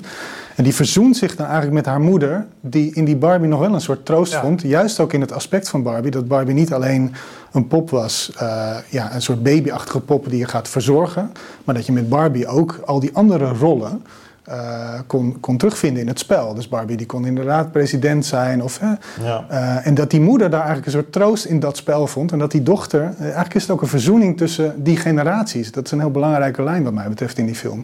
Daarom moeten die dochter en die moeder moeten ook terug naar Barbieland. Omdat zij in de Barbieland, wat is Barbieland? Dat is de dat is de voorstellings, verbeeldingswereld van het achtjarige meisje, bij wijze van spreken. In die wereld uh, verzoenen die twee zich. Omdat ze, oh ja, mijn moeder die moest nog leren om zich überhaupt voor te stellen dat je, dat je minister kon worden. Of dat je uh, dit kon. En dan zie je ook dat die dochter eigenlijk een soort liefde voor die moeder terugvindt. Ja, en daar, daarin vind ik wel trouwens, het is mooi dat je dit zegt, daarin vind ik heel sterk dat die moeder juist benadrukt dat ze dus geëmancipeerd is omdat ze moeder wilde worden. En dat ze zegt dat dat genoeg is. Dat, ik, ja, ik, ik, het is echt het einde van Woke. Meer ja, lang ja. over nadenken. Dus dit, de film markeert het einde van Woke. Want het gaat dus om moederschap. Dus uiteindelijk die emancipatie, die, die dochter verenigt zich dus met dat haar zullige moeder juist geëmancipeerd is. Het nou, is, toch, dit, is helemaal niet, dit is helemaal niet meer hoe moderne feministen denken. Ik ben, ik ben, het, ik ben het bijna Want die willen, die willen plekken, die willen, die willen voorkeursbeleid, die willen macht. Er zit ook helemaal in de film trouwens macht, hè? want het is natuurlijk een machtswisseling ook tussen man en vrouw. Hè? Ja, het gaat alleen. Dat is ook wel grappig aan dat, dat, dat het gaat op een bepaalde manier ook aan Ken voorbij. Maar, ja. maar dit, dit soort reden dat ik het niet helemaal met je perspectief op macht kun je ook nog Laat me nou even. Ik, ik, ik, ik, ben het niet helemaal met je eens, omdat ik denk dat in die. Uh, jij zegt ja, die moeder wil uiteindelijk. die, die zegt ook ja, maar in dat moederschap vond ik ook heel veel. Wat er denk ik in zit, is dat die Barbie-wereld is een. En dat is ook, wordt best wel gereflecteerd in die film. Dat is dus die verbeelding van het tienjarige kind. En wanneer eindigt Barbie-wereld? Als Barbie naar de echte wereld gaat, naar de gynaecoloog. Maar je zou kunnen zeggen dat deze hele voorstelling van machtsstrijd tussen man en vrouw, die vindt plaats in een verbeeldingswereld van de voorgeslachtelijke mens. En je zou kunnen zeggen dat de hele, ja. uh, de hele mensheid op dit moment de voorgeslachtelijke mens is. Dus wij, de manier waarop wij over de strijd tussen de seksen en de strijd tussen de identiteiten denken, dat is eigenlijk de manier waarop een tienjarig meisje over mannen en vrouwen denkt. Ja. En die moeder is eigenlijk de enige figuur in de film die daadwerkelijk kinderen heeft gekregen. Dus dat jij zegt, ja, ze vond haar vervulling in het moederschap. Ik denk dat daar dus bij moet dat vanuit een perspectief waarin geslachtelijkheid en moederschap en vaderschap mogelijk is, vanuit daar verschijnt die hele voorstellingswereld verschijnt met enige nostalgie en met enige relativiteit. En vindt ze ook haar waarde, namelijk in de verbeeldingswereld. En daarin zie je inderdaad dat dat mannelijke element ja, enorm ja, uh, genegeerd wordt. Volgens mij gaat het enorm echt om de, de confrontatie met de realiteit. Het is steeds die, die, maakt geen deel uit van de uiteindelijke waarde. Uh, de, de, normativiteit binnen die wereld blijft de normativiteit van Barbie, die de macht wil vinden. En dat is denk ik omdat Barbie een vrouwenwereld is. Als, we dit, als dit een G.I. Joe-wereld zou zijn. Dus daarom ben ik, ik ben wel met je eens dat, dat, zeg maar, dat moederschap een belangrijk motief is. Maar ik denk dat de geslachtelijkheid als zodanig nou, laat me dit nog even die wereld... In, eh, andere woorden oppakken. Kijk, die geslachtelijkheid, dat heeft... Ik heb zelf jonge kinderen. En inderdaad, tot je tiende ongeveer hè, ben je ongedifferentieerd nog. En volwassenwording, om een term erin te gooien die heel belangrijk is... volgens mij ook om dit nog verder op te pakken... heeft te maken met... Uh, geslachtelijke differentiatie. En het feit dat veel mensen nu verward zijn juist over geslachtelijkheid, dat is eigenlijk een teken van dat je de puberteit niet doorkomt. Dat je dus niet uh, aanvaardt wat je geslacht is. Dat Zoals je ook in de film dus ziet, niet, uh, nou ja, ik zeg het in andere woorden dan, dat je, dat je niet aanvaardt dat je doodgaat bijvoorbeeld, hangt daar ook mee samen. Hè? Dus behalve dus uh, coming to terms with death, je moet ook accepteren in het leven dat je, tenminste de meeste mensen binnen de normaalverdeling, er is een soort afwijking van 2%, dat je dus hmm. van een bepaald geslacht ja. bent. Dus het, die, het, die verbeeldingswereld is inderdaad de verbeeldingswereld van het kind. En wat er in de film gebeurt, dus de uh, de, de ontwikkeling van de karakters zou je ook kunnen beschrijven als, ja, het, dit, de film gaat over volwassenwording. Ja, maar dat, dat is dus het punt wat ik bedoelde met dat de manier waarop wij collectief misschien tot op zekere hoogte ook wel die man-vrouw verhouding denken als een machtsstrijd. Oh, kennis aan de macht, oeh, Barbie is aan de macht. Mhm. Dat hele woke verhaal. Dat is dus ergens de manier van de, de, de niet-volwassen, de, de mensen die nog niet door de puberteit heen is gegaan, de manier waarop zo'n mens de wereld ziet. Terwijl als je inderdaad dat perspectief van moederschap en vaderschap, wat jij ook inbracht, als je vanuit dat perspectief kijkt naar de wereld, dan vindt die geslachtelijkheid opeens, die, die verandert die verhouding tot iets anders dan alleen een machtsverhouding. Het wordt namelijk meer een symbiotische relatieverhouding tussen man en vrouw. En dat hele aspect van relatie mist compleet in de film. Hè? Barbie gaat weg, uh, uh, Ken gaat weg, maar ze komen nooit tot contact. En dat is ook niet mogelijk, omdat het een voorgeslachtelijke wereld is. Maar in onze wereld is het contact ook weg. Ja. Sorry, ik praat zelf veel. Is het contact ook weg? Ja, precies. De, seksualiteit is, is aan het verdwijnen. Hè? Mensen hebben steeds minder seks, op steeds latere leeftijd ook. Uh, daar, heb jij, ja, ja, daar heb jij vast ook in je boek wel... voor jezelf. Het, is, het wordt minder. Het wordt minder. Ja, het, is natuurlijk nog steeds de meerderheid. Ja, de meeste mensen nog nee, gemiddeld, gemiddeld, ja. gemiddeld, nee, maar gemiddeld genomen beginnen mensen later met seks. Ja. En, en uh, wordt, vindt voor mij hebben ah, vrije mensen jaar, gewoon minder dan vroeger. Het is, een jaar later of zo. Digitale seks, porno. Nou ja, precies. Dus, buiten het lichaam. Ja. Buiten lichaam, ja. Dus wij, Jelle is lang aan het woord geweest, dan heb ik nog even lang het woord genomen. Is er iets waar jij, uh, um, hing jij ergens aan op? Of kon je, kon je, de, kon je de analyse wel, uh, kon je wel instemmend luisteren naar wat Jelle te vertellen had? Oh, oh die geslacht, geslachtelijkheid, dat, dat die geslachtelijkheid daardoor naar binnen komt, ja. Dat, uh, ja, dat de volwassenheid, dat, dat, dat, dat die moeder wordt, dat, dat is natuurlijk, ja, dan, dan, dat, maar dat hebben jullie wel gemeen. Dat die, maar dat die geslachtelijkheid dan ontstaat. Mm -hmm. ja. Maar uh, uh, dat die minder belangrijk wordt, ja, dat er minder seks is, dat er minder samen, dat ze apart. Het is waar, die kens waren apart, dat was een groep. Het was eigenlijk een klooster van mannen. Mm. Dat op een manier service verleent aan de vrouwen daar. Dat is die poppenwereld. Mm. De mannen staan eigenlijk op grote afstand en je ziet ook heel weinig, maar je ziet ook heel weinig uh, relaties tussen. Uh, ja, je hebt kinderen natuurlijk ook met elkaar spelen. Jongens die met meisjes spelen op een ongeslachte manier. Ja, maar op het moment dat die geslachten, die tienjarige meisjes en jongens... die zitten toch heel ver uit elkaar. En dat zie je ja. in die film eigenlijk ook. Hè? Nee, maar je zegt mooi, nou, dat, dat, daarom is de apotheose ook mooi... wat je beschrijft, van, dat het gaat ook om dat die relatie... Uh, inhoud krijgt van die moeder en dochter. En uh, dat is uh, tegen de achtergrond van een film... waarin mensen eigenlijk relatieloos zich tot elkaar verhouden... en hun eigen uh, geslachtsgroepen zitten, is dat een hele mooie observatie. Ik denk dat dat zie je heel goed. Maar het zit inderdaad dus ook niet in de achtergrond van de Kens en Barbie zit het inderdaad ook niet. Maar dat kan ook niet, want het is dus de wereld van het tienjarige meisje, zou ik ja. zeggen. Maar dan, waar ik nou dus een beetje moeite mee heb, is dat, die, dat dit genomen wordt als een soort van cultuurbeeld. Ja, maar daar ben ik het dus ook niet met je eens. Ik wil precies zeggen, het is een, de verbeeldingskracht is weliswaar hier ook in, dit, in deze Mattel-wereld aanwezig. Maar we leven natuurlijk in zekere zin, zeker op het, op het symbolische niveau, leven we ook in een wereld van halfwassenen. Nee, precies. Maar dat dus, is dan... dus, dus, dus, het is helemaal niet waar dat het verbeelding... Maar dat wordt hier wel geïdealiseerd, hè? Het wordt hier geïdealiseerd als dit is inderdaad hoe het is. Terwijl je eigenlijk zou moeten zeggen vanuit, vanuit het perspectief dat wij nu ontwikkelen. Zou je moeten zeggen, ja, als je gelooft dat dit over de echte wereld gaat. En dat we inderdaad in zo'n patriarchaat leven. En dat inderdaad Barbie hier zo. Ja, dan ben je gewoon, dan ben je niet verder gekomen dan een tienjarige kind. Dat is ja, maar ook... dat is toch, ik ben het daar niet mee eens. Kijk, het is zo dat zo verstellen, volwassenen die lijken iets mee te nemen van dat kinderbeeld. Maar de kinderen van 12, 13 die ik denk, die kijken heel traditioneel naar families. Ik ken geen kinderen van 13 die daar al mee... Die, dus het is een soort van terugprojectie. Het is, het is niet volwassen worden van oudere mensen. Het zijn oude kinderen. Het is het beeld van oude kinderen. Hmm. Het zal me ook niks verbazen dat Barbie heel veel, uh, gespeeld, net als Lego, nog door jonge vrouwen wordt gespeeld. Hè? Lego, Lego ja, zo... door verzameld. Ja, ja dus, dus, dus, dus, dus, het zijn die kinderen, het is een, uh, ja, maar het zijn ook ouderen die kind gebleven zijn, zeg maar. Hmm. Ja, nou ja, zeker. Dat is die moeder tot op zekere hoogte natuurlijk ook. Ja. Maar het is inderdaad, zeker denk ik ook wat jij zegt, uh, zeker niet hoeft iedereen een relatie te hebben. En dat zijn natuurlijk ook mannen met gelijk en vrouwen met elkaar relaties hebben. Dat zal zich meer voordoen. Uh, er, er, komen gewoon steeds minder kinderen, dus de voortplanting zal minder belangrijk zijn. Dat is natuurlijk ook, dat lijkt mij ook een van de oorzaken van, uh, van die hele gender... zeker bij jongeren, die genderfluide business gewoon heel sterk is, ook in Nederland waarin uh, en men zegt het wordt geïndoctrineerd door de scholen, maar het valt op vruchtbare bodem. En dat, dat, uh, dus daarom denk ik ook niet dat, dat dat voorbij is met deze film. Nee, maar het leeft onder jongeren heel sterk, maar het is ook de, de voortplanting is ook aanzienlijk minder belangrijk. Want we hebben veel te veel mensen en steeds minder mensen krijgen überhaupt kinderen. Nou, een enorme vergrijzing. We hebben te ja, weinig een kinderen. enorme vergrijzing, ja. Dus, ja, dus, dat is, maar dat is ook... En dat is wereldwijd, behalve in, in uh, de Afrikaanse landen. En verder, verder, verder krimpt overal de bevolking. Dus niet alleen minder seks, er is ook minder voortplanting. Mm -hmm. En dat maakt in de volwassen wereld zoals jij ook terecht zegt, dan val ik het argument ook bij, zijn die biologische elementen die, die in de voortplantingen meest tot uiting komen, die worden minder belangrijk omdat de noodzaak tot voortplanting, ook in China, waar men de jongeren probeert aan te drijven om kinderen te krijgen, dat lukt maar niet. Ja. Het is een bepaalde fase waarin kinderen krijgen, over het algemeen als minder belangrijk worden. Zodat er meer mensen alleen overblijven, maar dat het nou bij laagopgeleiden zo gebeurt dat je als je ook met een vrouw wil, dat het gewoon toch veel moeilijker is voor een man. Hmm.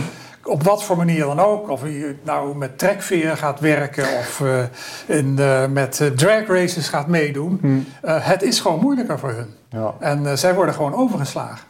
Ja. Dat is, en, maar dus niet alleen de vrouwen. En dat is, is nog een perspectief wat, niet in de, in, wat we nog niet besproken hebben, wat ook niet zozeer in de film zit. Maar die, kijk, het gegeven dat ze die bullshitbanen hebben, die betekent dus dat ze banen hebben die niet uh, invulling geven aan, aan bepaald talent of verdiensten, maar dat ze een soort etikettenplakwerk doen. Dus bijvoorbeeld dat beachje. Uh, dat heeft natuurlijk ook te maken met van ja, we zitten ook in een wereld als mannen waarin we ja, Vrouwen hebben dat ook. Ja, vrouwen hebben dat ook, maar we hebben ook gewoon heel... Ja, wat kun je doen voor mannelijk werk in de moderne maatschappij?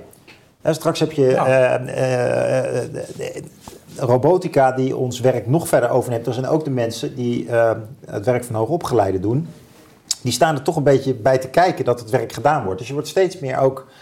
Ja, ja, een vliegenier is nu ook alleen maar iemand die voor de veiligheid op een knop drukt, weet je wel. Maar ja, er is dus, een tekort aan heel veel mannen. eh, aan dat is de andere kant. Maar, technische banen, Ja. aan bouwvakkers. Op dit moment tekort. ja, Er is echt ook, net zoals bij de zorg, zijn er ook grote tekorten aan mannelijke banen.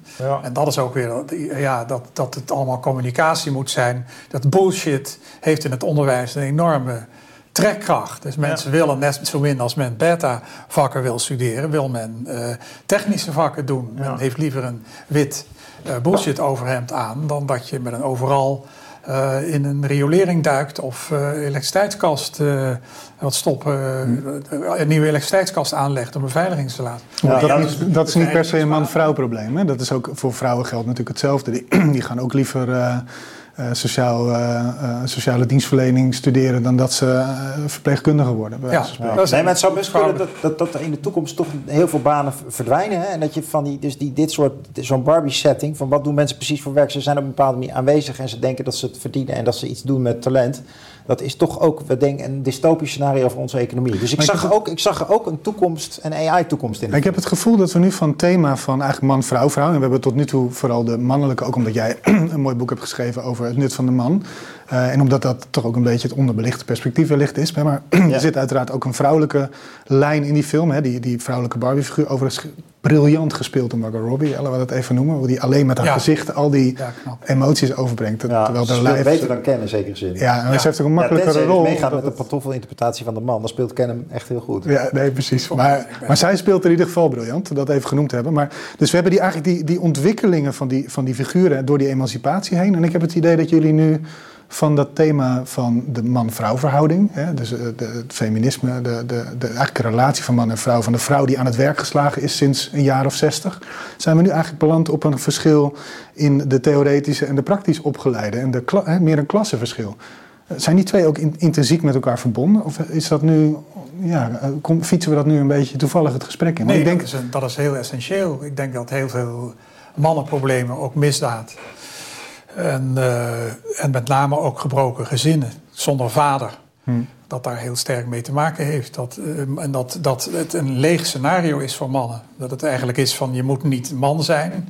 Eh, vrouwen, vrouwen doen het beter, dat is het ook in het algemeen. En zodra mannelijkheid aan de orde komt... dan kan men alleen maar negatieve eigenschappen opsommen. hoewel in die film juist gewezen wordt op hoe moeilijk het is om een vrouw te zijn. Want je moet knap zijn, je, mag niet, Ja. je moet assertief zijn, maar je mag niet agressief zijn. Je moet er altijd goed uitzien, maar niet sexy. Al die, al die, eh, ja, al die dilemma's van de moderne vrouw die toegetreden is tot, eh, tot de, de werkende wereld die traditioneel mannelijk was. En die we nu, die we nu met elkaar eh, opnieuw moeten vormgeven. Daar, die film focust toch wel heel erg hè, op, op die kant van het Op verhaal. de eisen aan de vrouw. Ja, en terecht misschien ook wel. Hè? Maar, Ja. maar jij zegt eigenlijk, ja, de, de, aan die mannen, dat is ook niet zo makkelijk. In Ja, bij vrouwen en, en de, de, de, de gevolgtrekking is... eh, eigenlijk moeten al die beperkingen er niet zijn. Hmm. Eh, en dan, eh, dan zijn de vrouwen zichzelf. En de mannen heeft, hebben, heeft- hebben eigenlijk geen, eigen, en- eigen, geen enkele beperking. Dat werd ook zo'n beetje gesuggereerd. Nou zijn natuurlijk de mannen niet het centrum van de aandacht. Het is natuurlijk een film over vrouwen. Ja, precies. Maar voor mannen gelden dergelijke beperkingen even goed. Ja, is precies hetzelfde. We moeten precies hetzelfde skill aangeript. Dus van, eh, hè, ook met de omgang met vrouwen. Hè, er zijn natuurlijk heel veel taboes bijgekomen door MeToo. Je moet heel voorzichtig zijn. Je moet overal toestemming voor vragen. Eh, maar sommige vrouwen willen juist helemaal niet eh, mannen die alleen zitten af te wachten tot. eh, dus het is, het is heel ingewikkeld. Weet je wat ik Voor interessant mannen. vind Dus er is ook, ook daar zij zeilen precies dezelfde moeilijke grenzen door. En ook- dat gaat natuurlijk wat, wat sociaal aanvaardbaar is en wat dan de ideologie een vrouw zou moeten zijn. Dat is eigenlijk de spanning die zij weergeeft. Ja, sorry dat ik je, dat ik je onderbrak. Dacht dat je ook klaar was. Maar die, die, die, eh, deze gedachtegang, en, en eh, die, dat zit natuurlijk, dat, wij volgen de film daarin in feite. Maar ook hier zie ik eigenlijk het gebrek aan, sowieso in veel feministische, of dan de reactie daarop van het Andrew Tate-achtige, of hè, tot op zekere hoogte ook jouw boek, die natuurlijk niet Andrew Tate-achtig is, maar wel het perspectief van de man, dat we vandaag ook terecht denk ik ook onder de aandacht brengen in reactie op die film. Ehm, maar in beide in, in allebei die lijnen is eigenlijk een compleet gebrek aan contact tussen de seksen. Terwijl, ja, als je het even evolutionair hè, karmisch bekijkt, ja, wij zijn natuurlijk ook al wel eens een vrouw geweest. En we, zijn, we zullen ook wel weer eens vrouw worden in de loop van onze evolutie. Het is niet een, je kan jezelf heel moeilijk gescheiden van, als man gescheiden van je vrouwelijke geschiedenis of je toekomst zien. Het is een puzzel die we met elkaar moeten leggen. En dat moet toch vanuit contact en delen. En dat perspectief dat verdwijnt zo makkelijk. Ook in ons gesprek nu tot op zekere hoogte en zeker in die film. Dat vind ik eigenlijk heel jammer. Wat en in jullie? de kinderwereld lijkt me ook veel, is er ook veel intiemer contact tussen Ken en Barbie. Dus jongens die met meisjes spelen, voor zover ik me dat ook van mijn eigen kinderentijd kan herinneren, is dat veel intiemer dan dat daar een groep jongens en een groep meisjes is die ze nu en dan Ken en Barbie hebben ze nu dan contact en dan gaat. Dus er is veel meer, het, het, het loopt veel meer door elkaar met kinderen dan het in die uh, Ken en Barbie film, voor zover ik het in mijn ervaring en ook al zie om me heen, hoewel meisjes ook soms een groepen dingen doen, dat is zeker waar. Ja, voor, zo, poppen spelen. voor zover het gescheiden is, zou ik zeggen, is het niet een, een, scheiding, maar een polarisatie. Dus juist doordat je merkt dat ze anders zijn, ga je soort. Ik, ik, het is niet zo van wij doen dit en wij doen dit, maar het is ook een dit van wat gebeurt er daar. Ja. En oeh, ze keken naar ons. Hè. Dus er is juist ook interactie van, juist in die scheiding zit alweer de betrokkenheid. Ja, want het grootste deel hebben ze natuurlijk gemeenschappelijk. Het zijn natuurlijk uh, het zijn aan de uiterste kanten waar zich dit afspeelt. Het grootste deel overlappen mannen en vrouwen elkaar uiteraard. Dat is, uh, en dat zie, je, dat zie je inderdaad helemaal niet. Hoe gaan we dit puzzeltje, ja, ja. Nou ja, hoe gaan we dit puzzeltje oplossen? Zeg maar de verhouding van man en vrouw op de werkvloer in de wereld. Um, hoe gaan we dit... Nou, ik denk dat... Is dat een grote vraag? Ja, maar jij hebt misschien zelf een antwoord op. Maar ik, ik zou zelf zeggen vanuit de film geredeneerd... Um, kijk, het gaat voor een deel over wat is de realiteit en wat is de imaginatie rondom man-vrouw zijn. En die twee mensen leven in die zin ook in twee werelden. De mensen is een reëel wezen, dus de, zeker de man, en een symbolisch wezen. En dat is een heel cruciaal verschil. Dat, vandaar ook dat het een uh, variatie eigenlijk is op Plato's grot. En um, dat speelt bijvoorbeeld in die speeches van die vrouwen vind ik ook wel weer heel goed. Hoewel het wat feminisme is wat al bekend is, maar uh, dus de, wat die vrouwen die twijfelt bijvoorbeeld over die verschillende rollen. Mm -hmm. nou, dat is ook heel herkenbaar bij vrouwen. Dus dat uh, vrouwen zijn gaan, meer gaan werken, mannen zijn meer thuis gaan doen. En ja, de man en de vrouw hebben allebei, ja, raken er een beetje burn-out van. Of de vrouw die zegt eigenlijk van ja, het moet thuis op mijn manier en op het werk op mijn manier. Op het werk loopt ze tegen de muur. Want dan had ze verwacht dat ze meer zou werken en een carrière zou lopen. Dat valt tegen. Terwijl de man heeft het altijd geslikt vroeger en nooit thuis verteld. Die vrouw die kropt dat op, wordt er boos op. En thuis moet ze ook accepteren dat, uh, ja, uh, dat het niet meer lukt dan meer te zijn dan alleen moeder. En bijvoorbeeld heel veel vriendschappen te cultiveren.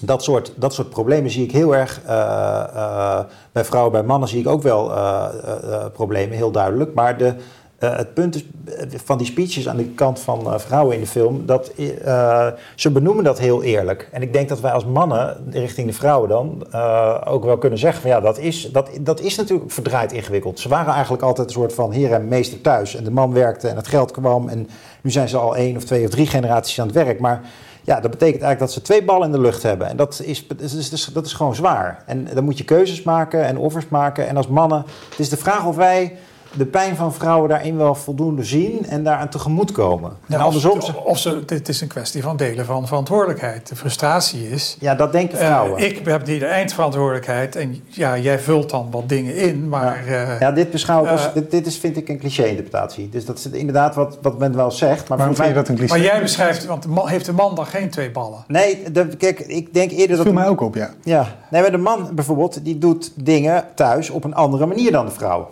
Ja. Hè? Maar de vrouw die accepteert dat niet. De vrouw die wil dus wel veel werken op haar manier. Maakt dus geen carrière. Ze wil wel carrière, moet wel op haar manier. Ja, nee, dat, dat, dat is niet emancipatie. Je moet je ook weer aanpassen op je werk. Je moet ook thuis weer aanpassen. Dus dat zijn ingewikkeldheden ja. waar vrouwen volgens mij meer mee zitten dan mannen. En waar mannen ook wel op hun manier wat meer hulp bij kunnen bieden.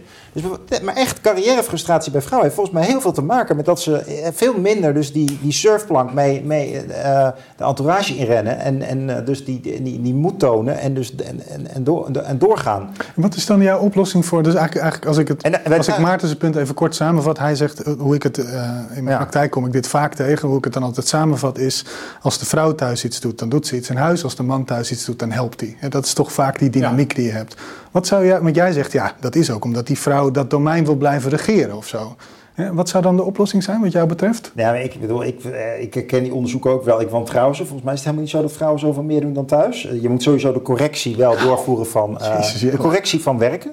Werken ze ook vijf dagen of werken ze vier dagen? Maar goed, oké. stel Ja, dat het die verantwoordelijkheid is toch, vrouwen Het nemen toch, hebben toch veel meer verantwoordelijkheid. Heel vaak is het toch zo dat als de vrouw het niet doet, Vrouwen gebeurt hebben het meer niet. verantwoordelijkheid. Dat vinden ze zelf. Dat is de machtsgreep van de vrouw. Daar moet je beter doorheen leren kijken, man. Dus de vrouw die heeft ook een bepaalde definitie van bijvoorbeeld wat een opgeruimd huis is of wat een gecultiveerde vriendengroep is. Ja, en je, zegt dan tegen die man dat ze, de man ook de verjaardag erbij moet houden en ook, ook op een bepaalde manier moet eten en zo. Maar dat is dus de vrouw die wel zegt van het moet verdeeld worden, maar wel zoals ik het wil. Ja, dat is niet emancipatie. Wat is jouw voorstel dan om dat, om dat anders te doen? Nou, volgens mij moet de vrouw gewoon wat, echt wat losser worden daarin. Je moet echt stoppen met hoge eisen stellen. Ik denk dat vrouwen echt lijden onder hun eigen hoge eisen. Al die speeches in de film gaan hierover volgens mij. De kern van wat zij zegt is steeds van ja, ik wilde dat, ik wilde zus. Het is, ze overvragen zichzelf. Dus het probleem is dat de vrouw te veel eist. Dat is eigenlijk, de vrouw moet een stapje terug Nou ja, daar begon ik al mee. Die man om de pantoffel al. Dat dat al zo is, dat is toch gewoon eh gênant. Nou, dat is precies ook wat vaak eh, aan vrouwen wordt gezegd in allerlei eh, feministische werken. Je moet het ook een beetje laten lopen. En niet precies zo willen. Dat is, dat is de nadeel van als je het overlaat aan, eh, Ja. aan de ander overlaat. Ja, En moet het even laten lopen, dat kan Ja. niet anders. Ja. ja en... en eh, Ook hier hoor ik jullie niet zeggen, eh, zeg maar, de oplossing is volgens mij heel logisch, namelijk contact hierover, uitwisseling. Dus het Ja. is niet de een of de ander, niet dat polariseren, maar meer het samen doen, vanuit contact. En daarin, daar speelt ook het compromis al een belangrijke rol in, Ja, maar ook het gevoelde contact. Nee, natuurlijk, dat is ook zo. Ja, uiteindelijk moet iedereen die grote vragen rondom emancipatie met zijn eigen partner onderhandelen en eh, bespreken, toch? Ja, Ja. Dat is waar. Ik ben blij dat jullie, daar, dat, jullie dat toch ook... eh, Ja. Maar ik vind het een hele mooie observatie van je dat het contact niet echt een rol speelt in de film trouwens. Dat eh, heb je goed gezien. Dus behalve in de relatie van het moeder-kind. Dus dat is inderdaad in die zin een spiegel van een individualistische samenleving. Ja, wat mij betreft dus ook tegen... en Janneke hadden echt meer contact. Ja, ja, mooi hè? Ja. Maar waren dat niet ook Dat broertjes en was best realistisch. Nee, dat waren vriendjes hè, in de straat Ja, dat was best realistisch. Hey, heren, wat, ehm, we, hebben, we hebben heerlijk lang, we hebben vandaag namelijk iets meer, eh, iets meer eh, of iets langer de tijd dan anders. Dus we hebben hier heerlijk over kunnen uitwaaien. Eh, Hebben we nog, ik wil eigenlijk door naar het volgende onderwerp. Of heeft iemand nog een, volgens mij hebben we alle drie uitgebreid onze observaties Ja, gedeeld. Er zitten zulke grappige eh, kritieken in op het bestuur van Mattel. hè. Ik moest een beetje aan Roger van Bokstel denken, die dan zijn eh, ethiektrainingen niet gedaan heeft. Zo, echt zo'n Ja, ja. zo'n zullige CEO, weet je wel. Met allemaal van die hulpjes, die partners. En ik moest ook denken aan, eh, aan het bestuur van Volkswagen, dat gewoon eh, gevoel voor de hele Chinese markt kwijt is geraakt in enkele jaren tijd. En zelf eh, miljoenen en miljoenen verdient en alle bedrijfskunde masters aan Harvard heeft gedaan. Maar ondertussen het gebrek aan contact van bestuur met organisatie, dat, ik- dat, die kritiek... Bullshit. Die, dat vond ik... Nou, dat is nou bullshit, wat, wat Ja. zij spraken. Ja, Die eh, Ja. raad van zij bestuur. spraken, ja, maar het zat sowieso door de hele film. En wat ik ook En ik nog... vind het briljant dat je dan zo de draak met jezelf kunt steken. Ja, ja. Dat Ja, maar heb, en die heb maakt- jij dat linkje gezien? Ik stuurde jou het linkje. Daar zie je de foto's van de, de, director, of de, de board of directors van Ja. Mattel. Dat is echt gewoon 50-50. hè? Dat Vrouw, is gewoon- ja, ja, ja, precies. vrouw. Maar in die film is het 100% man. Dat Nou. is eigenlijk wel... eh, Ja, natuurlijk. Nou, er zit wel een opper, oppermachtige bedenkster achter hè, in de film. Ja. Nou, goed, die eh, Rose Handler. ik ja. geloof sowieso niet De in de oorspronkelijke spoiler gedoe, dus ja, kunnen- ja, ja. Je kunt de film gewoon nog gerust kijken, zeker naar deze interpretatie. Ja, nee, want er zit nog genoeg in. Het zijn maar- dan vooral woordgrapjes die, in de, film, die de film erg leuk ja, maken. maar die vrouw, dat is natuurlijk ook hilarisch. Dat ze zegt dat ze van naam veranderd is omdat ze dan belasting ontduikt. En ik, ja, ik, ik lag helemaal dubbel. Ja, nee, dat is... eh, In die zin is het een film eh, die ook voor mannen, ook voor, eh, voor mensen van alle leeftijden. En ik kan me echt heel goed voorstellen dat als je 12 bent, dat je ook eh, echt een goede familiefilm. Ja, Ja, veel ik- beter dan Oppenheimer. Het spijt me, maar ik, vond, hem- ik vond het wel... eh, ik vond het redelijk volwassen voor de jonge kinderen die er zaten. En tegelijkertijd is de, de film lijkt toch wel erg gericht te zijn... gewoon op de dertigers en veertigers en vijftigers van deze... als je toch met je ouders aan tafel zit s'avonds, dan krijg je dit soort dynamieken ook wel mee. Al die meisjes in roze, die gaan allemaal weer Nou, het is wel leuk. Het is een soort... eh. Ja, ja, en die veertigers denk ik ook. Het is een soort Rocky Horror Picture Show-achtig. eh, mensen gaan zich echt verkleed, verkleed naar de bioscoop. verkleed? Ja. Heb ik in Maastricht, was aan Maastricht toevallig. Ja. Nee, gisteren, we waren heel laat. Gisteravond om half tien of zo begonnen het in de Bijlmer. Dus dat is ook een, eh, eh, een beetje een aparte, ja, een, een, een aparte Nou, tijd natuurlijk voor zo'n film. Maar ook, ook, daar, ook daar veel, eh, veel roze toch wel. En bij mij was het allemaal meisjes in roze. Allemaal feestdag. Jij was overdag. En die zijn niet teleurgesteld. Leuk. Ja, ja, die kwamen vrolijk de bios Ja. uit. Maar jij dus ook niet. Ik ook niet. Leuk, leuk heren, deze bespreking. We gaan door. Ehm, wat, wat zullen we even... Jij noemde al even dat sporten. Ik denk dat we die even kunnen laten liggen. Voor mij hebben we genoeg over mannen en vrouwen en sport en zo gepraat vandaag. Ehm, we hebben, maar we hebben nog iets over de Belgen, maar laten we even beginnen met eh, misschien toch iets politieks er even ingooien. Jij, had een, jij stuurde eh, het artikel door van Govert Buis, die een, eh, een opinieartikel in, eh, in het NRC, jouw oude rubriek. Volgens mij was het toch NRC of was het de Volkskrant? Ja, ja, NRC, nee, opiniepagina van NRC. en dat ging over de toekomst van het eh Christendemocratisch appel. En hij had eigenlijk vier opties. Zal ik ze, of ga jij hem... eh, Jij mag, eh, vertel jij maar waar het artikel over ging, dat is prima. Ja, nee, Govert die zegt het CDA is eigenlijk eh, het, het, CDA is een, is een soort opiniepeilmachine geworden en eh, een cynische, cynische pragmatische machtspartij. En er zijn eigenlijk maar vier opties. Ik geloof, er moest sowieso een strik omheen, of het moest eh, langzaam uit, eh, langzaam doodbloeden, of er moest een strik omheen. Het moet naar de jongeren gegeven worden. Het moet aan Pieter Omtzigt overgedragen worden met een uitgebreide excuusbrief. Of het moet geloof ik samengaan met eh, BBB of zo. Maar in ieder geval, het was een hele...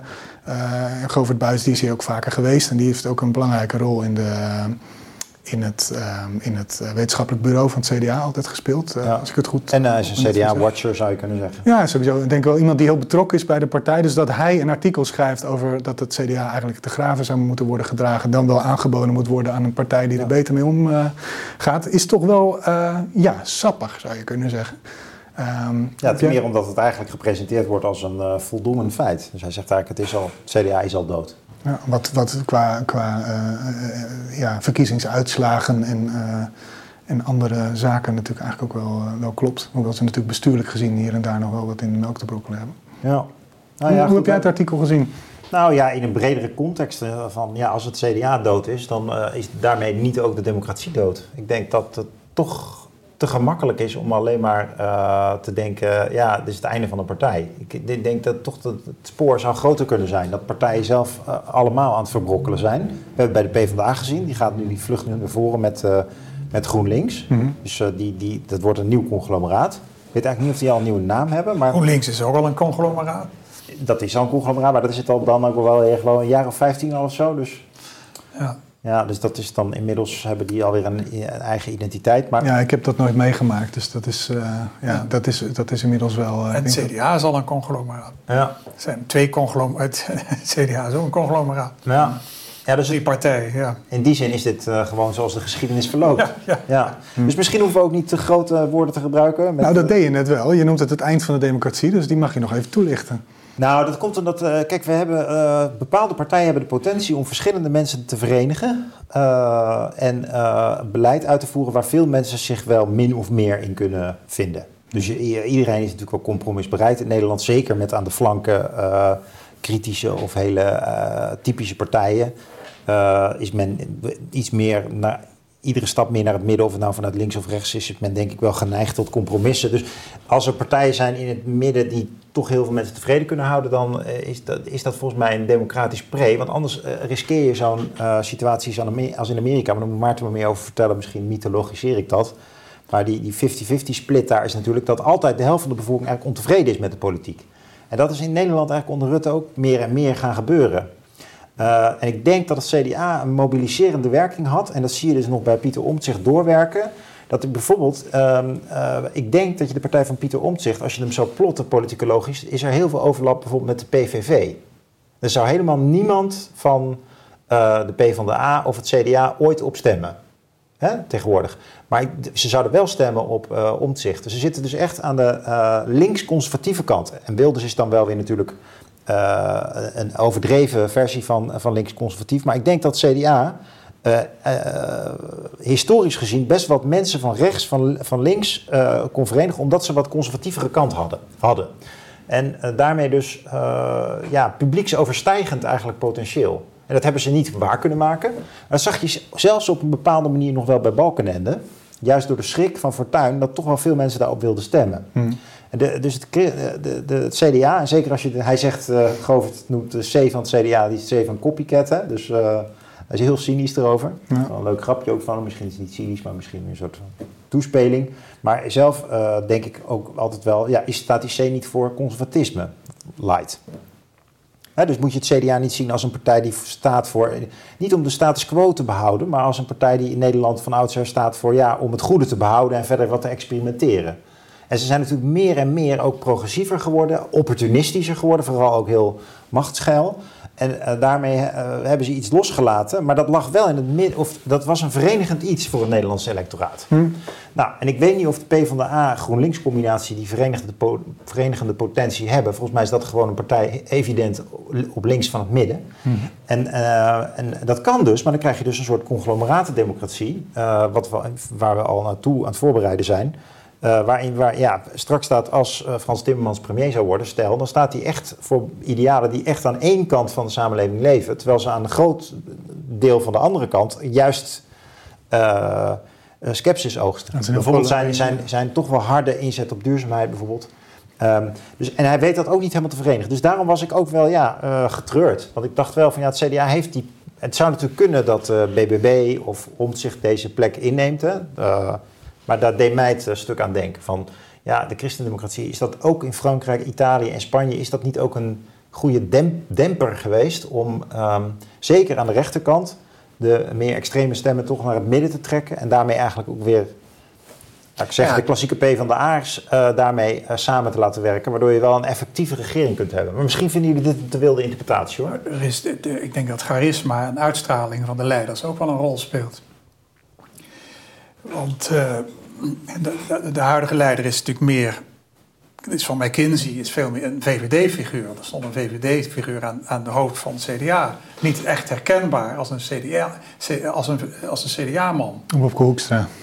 Ja, en, uh, en dus, dus, dus misschien kon hij wel goed politiek, maar hij zat op de een manier zat hij bij de verkeerde partij. Zijn uitstraling was de Wopke Hoekstra ja. is duidelijk die van een VVD'er.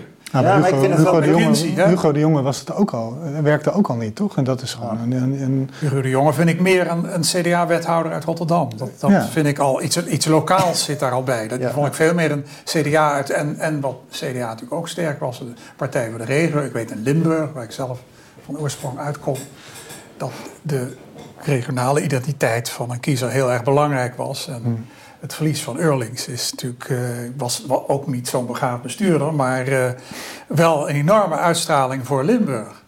Hm. Dus Wilders heeft enorm veel baat bij gehad dat er nooit echt meer een Limburg van formaat is opgestaan. Ja. Acht was ongelooflijk populair in het zuiden des lands, omdat men in Limburg denkt, voortdurend denkt men onderdrukt wordt door het noorden. Ja, ja. En die indruk is heel sterk, hm. omdat uh, de meeste mensen in Den Haag komen uit die omgeving komen. Heeft, uit heeft, omzicht, heeft omzicht niet ook een beetje die flair? Omzicht van komt het, uit Enschede. uh, ja. Ja, die komt uit de regio. En de regio wordt in heel veel aspecten, want de BB natuurlijk die landbouwbelangen. Ja, sorry, de helft van de Nederlandse grond is landbouwgrond. Dat kan best wat minder. 67. Er moet ook wat gebouwd worden. Hoeveel? 67. 67, nog meer dus, twee derde. Dat kan best wat minder. Hmm. Het is natuurlijk absurd om dan massaal te gaan stemmen op een landbouwlobbypartij. Maar, uh, nou ja, we hebben wel de, een van de vruchtbaarste over... delta's van de wereld. Hè? Dus het is, het is, globaal gezien, juist als je globalistisch kijkt, helemaal niet zo onlogisch om in Nederland heel veel aan akker- en veeteelt te doen. Oh nee, ik, ik, ben niet, uh, ik ben niet tegen landbouw, maar nu met de enorm toenemende en steeds groeiende bevolking met prognose naar 20 miljoen, hm. uh, zal er wat landbouw moeten worden opgegeven. Nee, maar ook voor activiteiten die. Maar los daarvan. Maar dat is een drogreden ook. Hè? Je kunt gewoon prima meer bouwen. Ja, Waarom maar, zou dat niet kunnen? Dat komt door het, door het, door het stikstofbeleid. Ja, is, ja. ja. maar, maar, maar, landbouw, maar, maar boeren, de boerenpartij, die, uh, uh, als dat een boerenpartij blijft, dan is dat natuurlijk heel erg eenzijdig. Maar de reden waarom erop gestemd was, was ook van de frustratie uit de regio dat uh, de Randstad alles krijgt. He, van, uh, waar, waar, dat boek over is verschenen, over uh, de, de, de verlatenen. De, en, en waarin allerlei mooie projecten in, hier in de Randstad komen. Ja. En, en, die frustratie heeft de BBW sterk gemaakt. En het CDA is te weinig in staat geweest.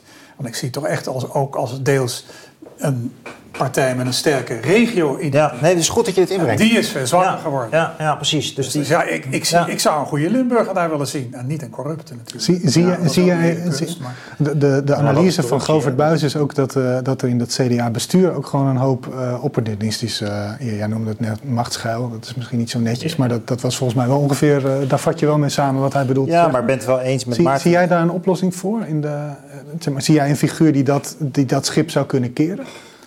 De regionale identiteit zou kunnen versterken. Nou ja, zie jij een oplossing voor het CDA? Want de Govert die, die, die draagt het ten graven. Hè? Ja. En jij zegt ook, ja, dat het is een enorm gemis. Juist ook, Op- je de oplossing is de persoon. Je moet dus niet een, een VVD'er aan, aan het hoofd zetten, hoe goed die ook zou, zou kunnen zijn. Dat is ver- verkeerd gecast. Je moet duidelijk iemand hebben met een duidelijk regionale identiteit. Die dus de regionale problemen ook begrijpt. En dan zouden ze daar hun aanhang weer kunnen versterken ten koste van de BBB. Maar het is gewoon heel sterk, want de politiek gaat heel snel. De BBB is natuurlijk, ja, Caroline van der Plas deed het gewoon heel goed op televisie. Ja, dat is een hele belangrijke kwaliteit voor een politicus.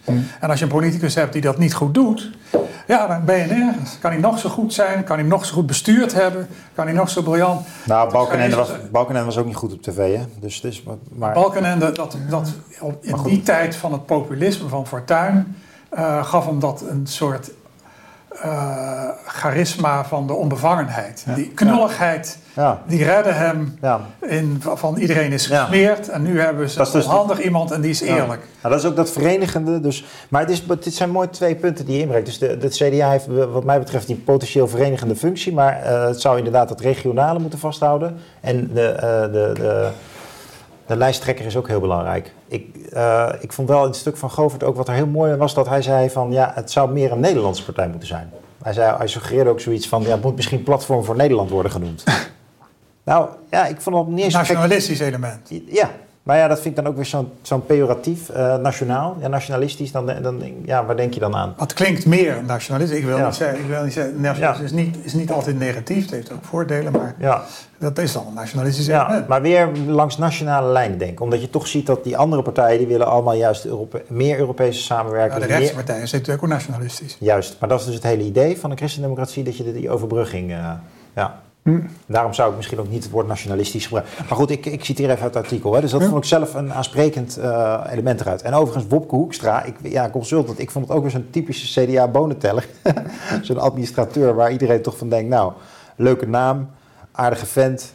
Eh, is het nou echt een consultant? Ja, ik, ik, maar misschien heb jij een beter eh, eh, gevoel voor hoe mensen hem... eh, Nou, hij was volgens mij ook prezes van Minerva of zo. Dus Ja, echt dus, ja. Het is echt een elitair eh, consultantachtige figuur. Dat, ben ik, dat lijkt me wel een goede karakterisering. Hele goede auteur, schreef hele goede opiniestukken. Hm. Echt kan heel goed schrijven. Maar ja, niet, ik, je kunt, je ik kan hem gewoon niet voorstellen bij het CDA. Nee. nee, dat is een mooie observatie. Ja. Even kijken, dit stuk. ehm, zullen, we, zullen we doorgaan? Want jij noemde eigenlijk het nationale. Dat is misschien wel, want we zitten met een oud krantenman. Of nou, niet een krantenman, maar je was, je was toch eh, wat was chef van de opinie. eh, ja, onder andere, andere. ik heb vele dingen gedaan bij NRC. Ja. Ja. Ja, Maar goed, correspondent noem maar op. Het NRC is inmiddels in Belgische handen. Ehm, wij waren allebei in België dit weekend. Maar er, was, er stond ook een stuk in de krant. ehm, dat, dat juist dat Belgische mediahuis in staat is geweest. misschien wel om die Nederlandse kranten te kopen. omdat zij eh En de subsidie. persgroep, en de niet te persgroep. vergeten. Het zijn alle, alle Nederlandse kranten gewoon eigenlijk. En dat is mogelijk gemaakt min of meer eh, ook doordat er, een, eh, doordat er een flinke subsidie van de, van de Belgische overheid eh, is gegeven aan die Belgische kranten.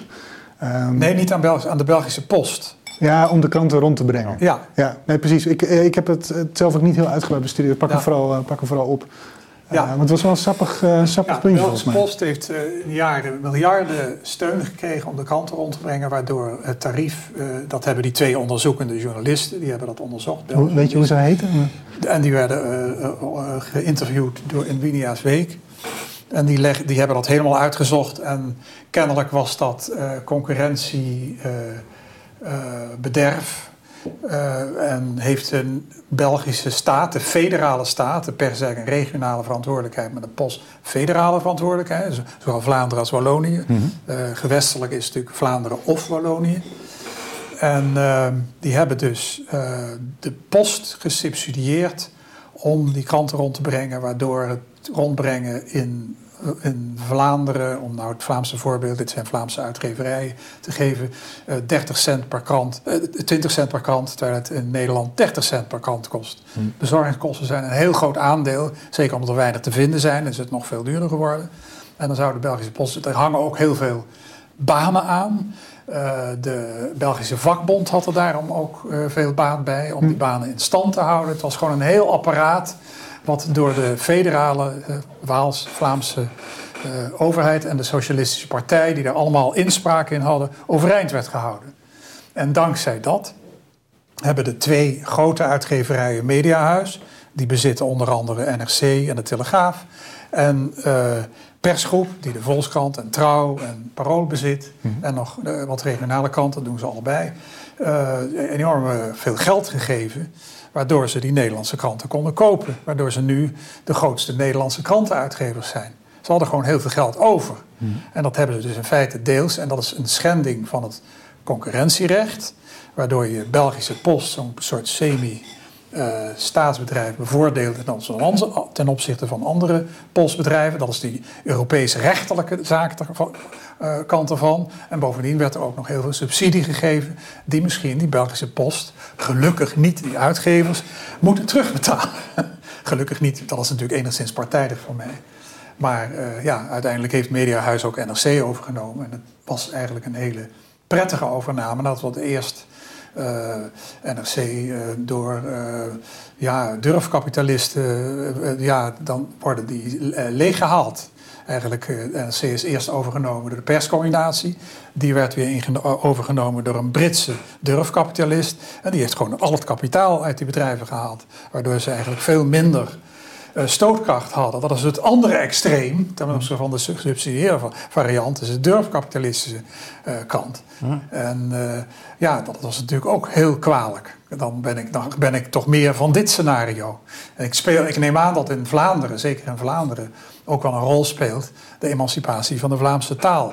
Dat ze vinden dat de overheid daar ook een soort rol in moet spelen. Oh ja, dat is een leuk argument. Uh, ik neem aan dat dat ook een rol speelt met, bij die bevoordeling van uh, de bezorging van kranten. En de laatste tijd is dat natuurlijk steeds minder belangrijk, omdat al die kranten steeds meer online gaan. En dat lezers ook steeds meer online abonnementen nemen, die veel goedkoper zijn. Je krijgt heftige concurrentie. Misschien wordt de opbrengst uiteindelijk ook minder. Want druk en bezorging is dan weliswaar heel erg duur, maar uh, bij die concurrentie kan misschien uh, winstmarge nog verder omlaag gaan. Dat zou kunnen. Hm. Het is een tijd lang, tijdens de COVID-tijd ging het natuurlijk heel goed met de pers. Nu weer wat minder. COVID-tijd is een enorme opleving van mensen die abonnee, abonnee werden en of kranten kochten. En dat neemt nu weer wat af. Hm. Maar vooral de regionale pers is hoofdzakelijk de, de, daar het meeste dupe van. Maar ja, dat heeft wel een tijd lang. Hm. het was, in het geval NRC heeft die overname, vind ik ook zeker dankzij ook kritische rol van uh, de redactieraden, heeft dat veel beter gewerkt. En is dat heel gunstig geweest.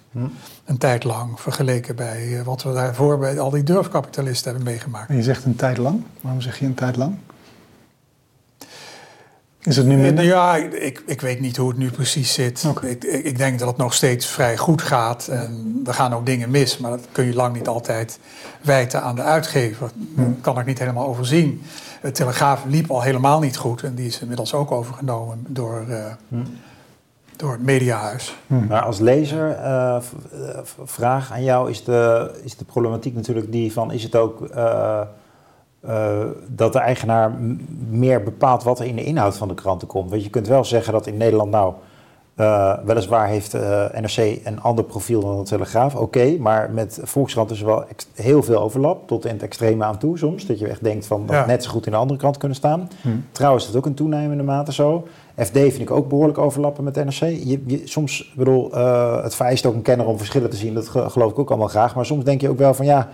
Uh, het, het, het, die eenheidsworstervaring, ik weet niet of jij die deelt, maar uh, zou dat iets te maken kunnen hebben met dat de kranten ook in dezelfde eigenaar hebben? Ja, de FD niet, hè? Dus dat, dat... Nee, ik denk dat het eerder komt door internet. Ik denk dat internet een grote rol speelt, dat je direct kunt zien hoeveel kranten hebben kijkcijfers.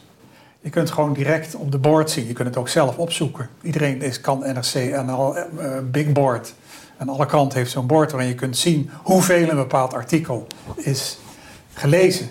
En ook redacties weten natuurlijk heel goed dat dat het niet het enige meetpunt is. Maar het speelt wel een rol. Ah, ja. En uh, dus jullie leiden eigenlijk aan kijkcijfers ook een grote invloed hadden op televisie. Toen kijkcijfers belangrijk werden, bij, uh, ook bij de publieke omroep. Dat emotiedingen, slachtoffers en dat soort dingen een grotere rol gingen spelen. Grote verhalen daarover. Ja. En dat zie je bij kranten ook in, in meerdere maten. Mensverhalen met gezichten en slachtoffers. Dat speelt een grotere rol. Oh ja, noem maar eens wat uh, voorbeelden dan. Verhalen. Nou ja, bijvoorbeeld de toeslagenaffaire is eindeloos uitgemolken. Dat was heel erg zeker waar, maar moet je nou elke week weer een nieuw slachtoffer? Uh, dat is eindeloos uitgemolken. Je kunt natuurlijk altijd, zijn eindeloos aantal slachtoffers, je kunt heel veel verhalen erover maken. Ja, ja, ja. En uh, Groningen, nou, er zijn zoveel verhalen waar mensen veel slachtoffers zijn. En, en talloze andere verschijnselen die zich voordoen. En in de tijd dat ik tv-recensent was, viel mij dat op bij de televisie dat het zo werd, in grote verhalen werd uitgemolken. En het valt me op dat kranten alle kranten zo'n beetje, dat ook die richting uh, enigszins zijn opgeschoven. Zou je vanuit deze hoek ook iets kunnen zeggen over, uh, over bijvoorbeeld oorlog in Oekraïne? Dat, dat, dat daar, wat vind je daar veel berichtgeving over? Of vind je veel soortige berichtgeving? Wat is, jouw, wat is jouw inschatting daarover? Is dat gewoon normaal? Of zit daar een soort... Daar zit uh, redelijk wat, ik vind daar behoorlijk wat berichtgeving. Daar, daar is natuurlijk, er zijn natuurlijk behoorlijke handicaps. Dat is het uh, verslaggeving in een oorlog. Ja. Dat is überhaupt een heel moeilijke professie. Hoe kom je erachter? Ja. Heb je de belangrijkste bron? Oorlog is chaos. En nou ja, net heeft uh, de, de correspondent van de Volkskrant is eruit gegooid. NRC heeft zijn correspondent teruggetrokken. Vanwege, nou ja, er is een correspondent de Wall Street Journal, zit nog steeds gevangen. Uh, in, uh, in Moskou. Het is, het is heel gevaarlijk werk geworden. Ja. ja. Maar ze doen wel hun best. Uh... Maar heeft het dan zin dat je, dat je eigenlijk dezelfde eigenaren hebt? Dat je dan gemakkelijker dat soort dingen kan organiseren? Of, of zijn, dat, zijn die voordelen van samenwerking op de redactie niet terug te herleiden tot de bezitter van de krant? Samenwerking? Nou, je zou kunnen zeggen doordat de krant... Die redacties zijn toch gewoon gescheiden, neem ik aan? Ja. Ja, maar je zou kunnen zeggen dat het allerlei voordelen heeft. Dat je... Nou, persgroep heeft meer de neiging tot samenwerking. Wel, ja. Daar doet Trouw bijvoorbeeld, geeft geloof ik de sportredactie van uh, de Volkskrant ja, gebruikt die. Dat was ook het model van de persgroep. Dat was echt van Tillo, deed dat ook in, uh, in Vlaanderen. Uh, in, bij NRC is dat niet zo. Ja, daar verschijnen wel NRC-stukken in lokale kranten die in het bezit zijn van, van, van mediagroep. Daar gebeurt dat wel, maar tussen NRC en de Telegraaf is dat niet zo. Dus daar heb je die verticale samenwerking heb je niet. Hm. Uh, die horizontale samenwerking ja. bedoel ik. Terwijl uh, daar wel dan uh, verticale samenwerking tussen regionale... tenminste dat ze wel eens stukken overnemen uit NRC. Ja, ja. De regionale kanten. Maar, maar daar zie je dus niet zo dat het in elkaar vervloeit. Dat zie je niet zo. Maar ze staan wel onder andere druk, denk ik, door, die, door de big board. Dat het wat, wat emotionele, dat, dat emoties belangrijker zijn geworden. Dat, uh, Om meer lezers te trekken. Maar ze doen daarnaast doen ze natuurlijk ook heel veel onderzoeksjournalistiek. Denk, dat allemaal heel uitvoerig. Denk, denk je dat daar nou ook een bepaalde, uh, wat is het Nederlandse woord, Gleichschaltung, zeg maar, de, ik vind het zo opvallend, bijvoorbeeld, een voorbeeld is die pipeline. Die, die, uh, die gasleiding die opgeblazen zou zijn door... Ja. En in de media, zeg maar op de NPO, NSC, Volkskrant, alles de volgende dag was het... oh, de Russen hebben hun eigen pijpleiding opgeblazen. Dat was natuurlijk een ja, dat, dat, ja. Het is een soort hallucinant verhaal waar, op dat moment geen bewijs voor was, wat volkomen onlogisch is, terwijl de Amerikaanse president op tv gezegd heeft: we gaan dat ding opblazen als ze binnenvallen. Hebben ze dat echt allemaal geschreven dat Russen? In mijn hoofd staat geen idee wie, wie het heeft gedaan, we weten het niet. Hm. Want ik heb alleen maar verhalen, maar ik weet niet precies wat en welke krant. Ik lees natuurlijk meerdere. Daar was mij toch wel heel duidelijk van. Uh, waar, wat zou de baat zouden Russen zijn? De Oekraïners hebben natuurlijk overduidelijk baat bij. Uh, bij dat die pijp weg is, dat lijkt me heel duidelijk een belang De Amerikanen in zekere zin ook wel. Ja. Dus uh, ik had altijd de indruk dat, dat men zei, we weten het niet. Nou ik trek, ik trek mijn, omdat ik dit niet uh, in mijn hoofd kan factchecken, ik trek mijn voorbeeld terug. Ja. Maar de vraag blijft staan. heb jij het idee dat er op zo'n krantenredactie inderdaad ja, op zo'n Noam Chomsky-achtige manier vanuit het geld toch druk wordt uitgeoefend, ook op de inhoud? Nee, die, eh, die indruk heb ik eigenlijk nooit gehad. Die indruk heb ik niet gehad. Ik, maar ja, wij hadden toen een Vlaamse, we hadden toen Peter van der Meers, die, uh, uh, die van de standaard kwam. Hè, de, het, eigenlijk het hart van, van in de tijd van uh, Mediahuis. Mm -hmm. Die ook enorm is gemoderniseerd. Die, was, die heeft natuurlijk een enorme reorganisatie. Het ging toen niet zo goed. Maar ja, dat is allerlei kritiek dat hij te streng was enzovoort. Maar het is gereorganiseerd en daarna, uh, daarna ging. Uh, ja, het is een tijd lang. Uh, maar ik heb nooit de indruk gehad. Ik had de indruk, ik had heel sterk de indruk als de winstcijfers maar groot. Ik denk dat dat ook wel zo is. Maar hoog genoeg zijn, dan bemoeit de uitgevers er niet mee. Ik vond het een tamelijk liberale koers, terwijl ik altijd hoorde van... Een tijd lang was die NRC-site ook echt beter dan die Volkskrant. En een van de oorzaken was dat de Volkskrant bij alles wat ze veranderden... Internet is heel erg een tinkeringzaak, een knutselzaak, uitproberen. En als het niet lukt, iets nieuws doen. Maar bij de persgroep moesten ze de hele tijd met Brussel bellen. Of ze dat wel mochten. Dat is natuurlijk niet een goede manier om een site op te zetten, want dan kun je dan niet mee knutselen. Met, want dan eh, moesten we centraal en moeten anderen dat ook doen. Met titels en dergelijke bedoel je, en foto's die bij artikelen staan. Ja, en, hoe, en gewoon hoe je die site maakt, hoe je de lezers eh, eh, aantrekt. Daar zijn allerlei mogelijkheden. En dat, heeft, dat liep een tijd lang liep dat echt beter dan bij de concurrenten. Nu is het verschil wat minder, maar het is natuurlijk, het gaat zo en zo. Maar eh Ja, nog steeds een goede, goede site, ja. Je houdt die verschillende kranten wel in de, in de gaten. Hè? Wat vind jij nou internationaal of misschien nationaal ook kranten die je graag leest, waarvan je zegt van ja, dat is echt, eh, dat, dat, dat is echt goed? Lees je dan Le Monde of wat? wat, wat? Ja, Le Monde vind ik. eh, Ja, ik, ik, lees nooit Zurich. Ik lees natuurlijk Amerikaanse kranten omdat ik daar lang gewoond heb. New York Times en de Washington Post veel beter dan die was eigenlijk. De Washington Post? heb ik ook een tijd gelezen. Ja, nu, nu heb ik weer New York Times. Ik, ehm, eh, New York Times is heel uitgesproken eh, links-liberaal. En daar hebben ze ook een aantal schandalen achter de rug, waarin toch wel eh, mensen die verstandige dingen schreven eruit gewerkt werden. Eh, dus dus ze, zijn wel, ze hebben wel een- dat vooroordeel van hun is wel veel sterker geworden. Hm. Redacties hebben natuurlijk allemaal in zekere zin een soort koers Ja. een bias. Maar bij hun is, vind ik dat wel heel sterk geworden. Eh, ik lees dan wel eens Nooit Zurich. Ik lees natuurlijk heel veel publicaties. Ik lees ook wel eens The Atlantic. Dat is een, een weekblad. Ja, ja. Die hebben vaak hele originele verhalen over sociale ontwikkelingen Oh, ja. die plaats hebben. Ehm, Maar de Nooit Zurich, Zuricher Zeitung lees je dus ook wel eens. die heeft hele goede uitgewogen stukken. En, en ook nog, want die hebben niet dat hele zware, die zware stijl. Nou, de, eh, de Süddeutsche Zeitung is ook wat lichter Ja, geschreven. meer En toch goed, ja. ja. Eh, maar ik vind het vast soms, eh Frankfurt Allgemein is soms wat zwaar. En Nooit Zurcher weet het altijd net iets lichter en meer uitgewogen op te schrijven. Ja, Meer geesteswetenschappelijk, hè? Dat is meer, Ja. het VATS is meer technisch. eh. Dat is een juristenkrant. Ja, Maar En, NZZ is ook meer conservatief. Is eigenlijk een van de weinige Europese kranten Ja. die Nooit Zurcher, ja. wat, Ja. wat conservatievere invalshoek heeft. en die Welt heeft, eh, heeft veel mensen, die heeft ook al mensen die vroeger bij de TATS zaten, een linkse krant. Hm. Eh Tages Zeitung, wat ik een hele leuke speelse krant vond. Toen Ja. dat net begon, zo rond de val van de muur. En daar zit, je merkt het soms wel, er zitten soms van die speelse, zeker bij de opiniestukken. Dat zijn soms wat speelse geesten. Hm. Die zijn dus van, van links naar rechts gezworven. Maar ja, dat leidt soms tot originele dingen. Nou ja, die wel. Dingen we heel anders zien. Ja. Nee, de TAT.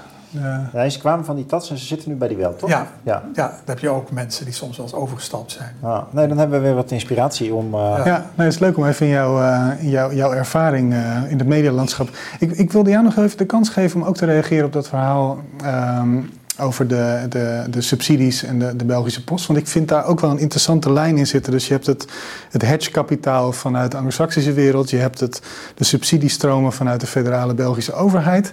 En dan worden die kranten zitten daar ergens tussenin. Het is ook wel sappig dat een Belgisch, een Belgisch eh, conglomeraat dan Nederlandse kranten gaat kopen.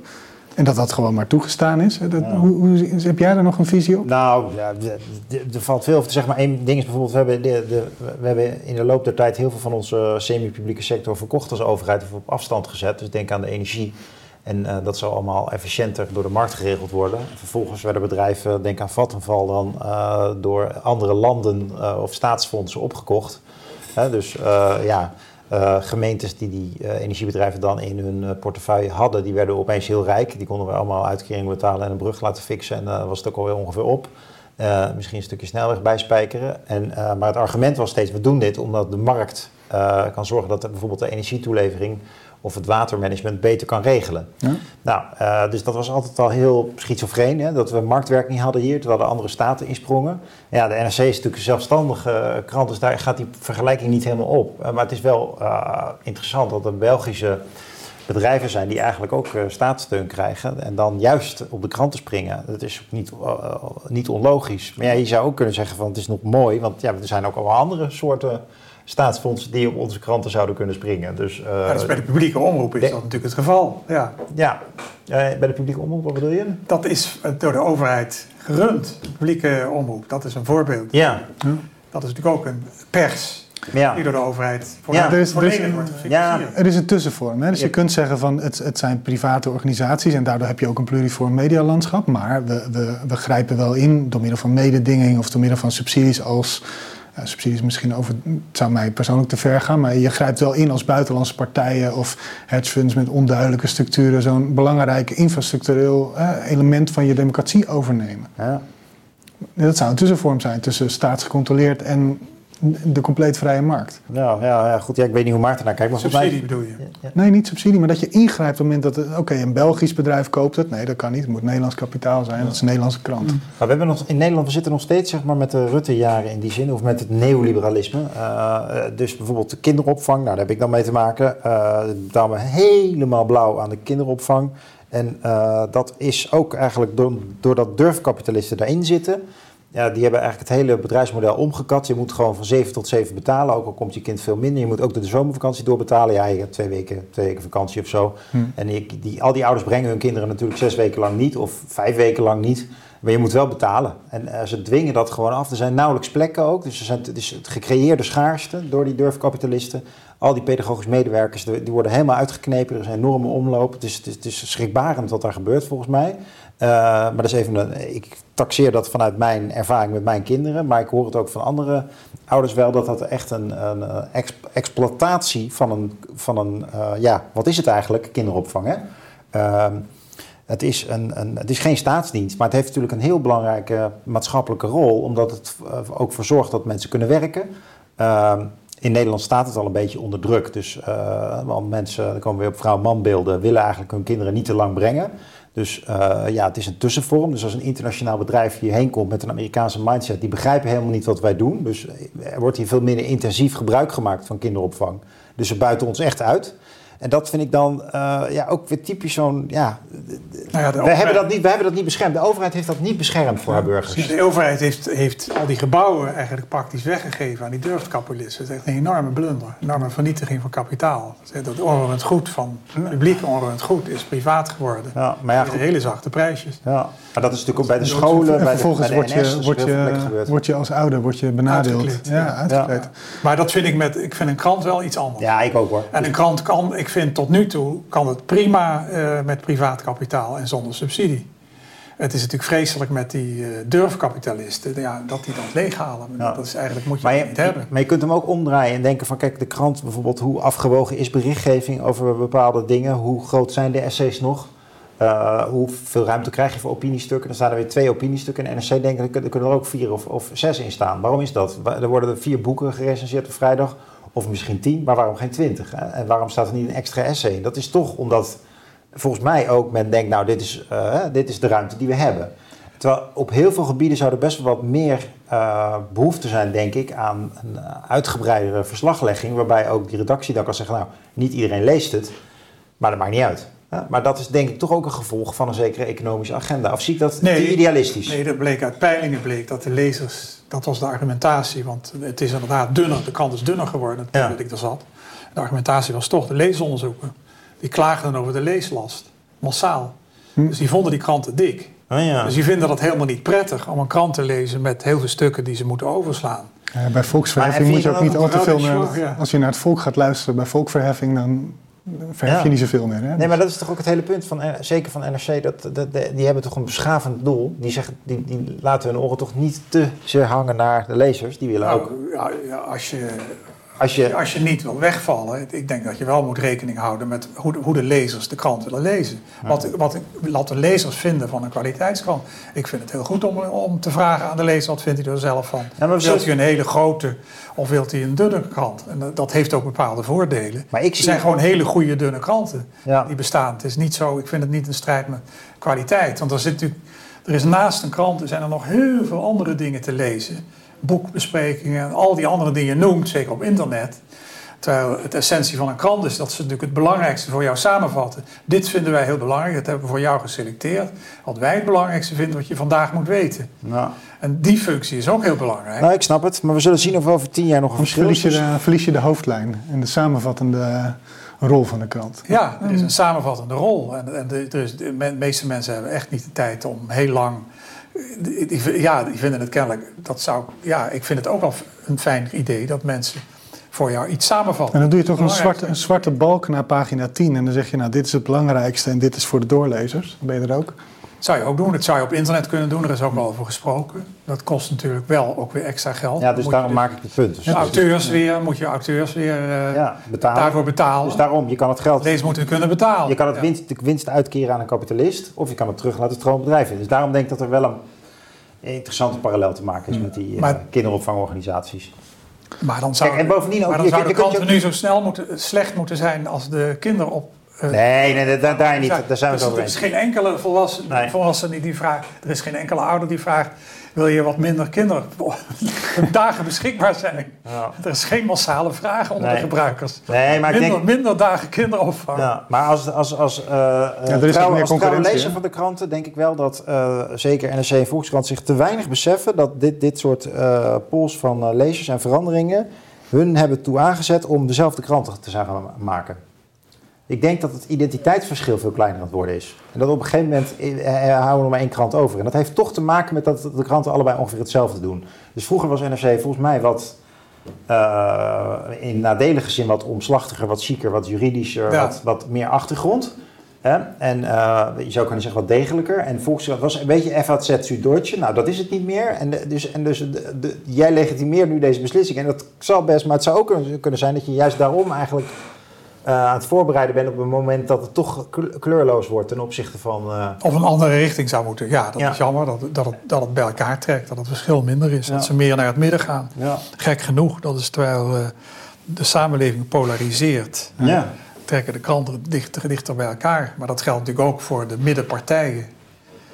Ja. Ook dichter bij elkaar. Hè? Terwijl aan de ene kant polarisatie heb je veel meer circle the wagons van het midden. Ja, die dichter bij elkaar trekken. Hmm. Coalities enzovoort. Misschien ja, en het, die, dergelijk verschijnsel. Het, het Trump-tijdperk en coronatijdperk heeft hier natuurlijk ook niet geholpen.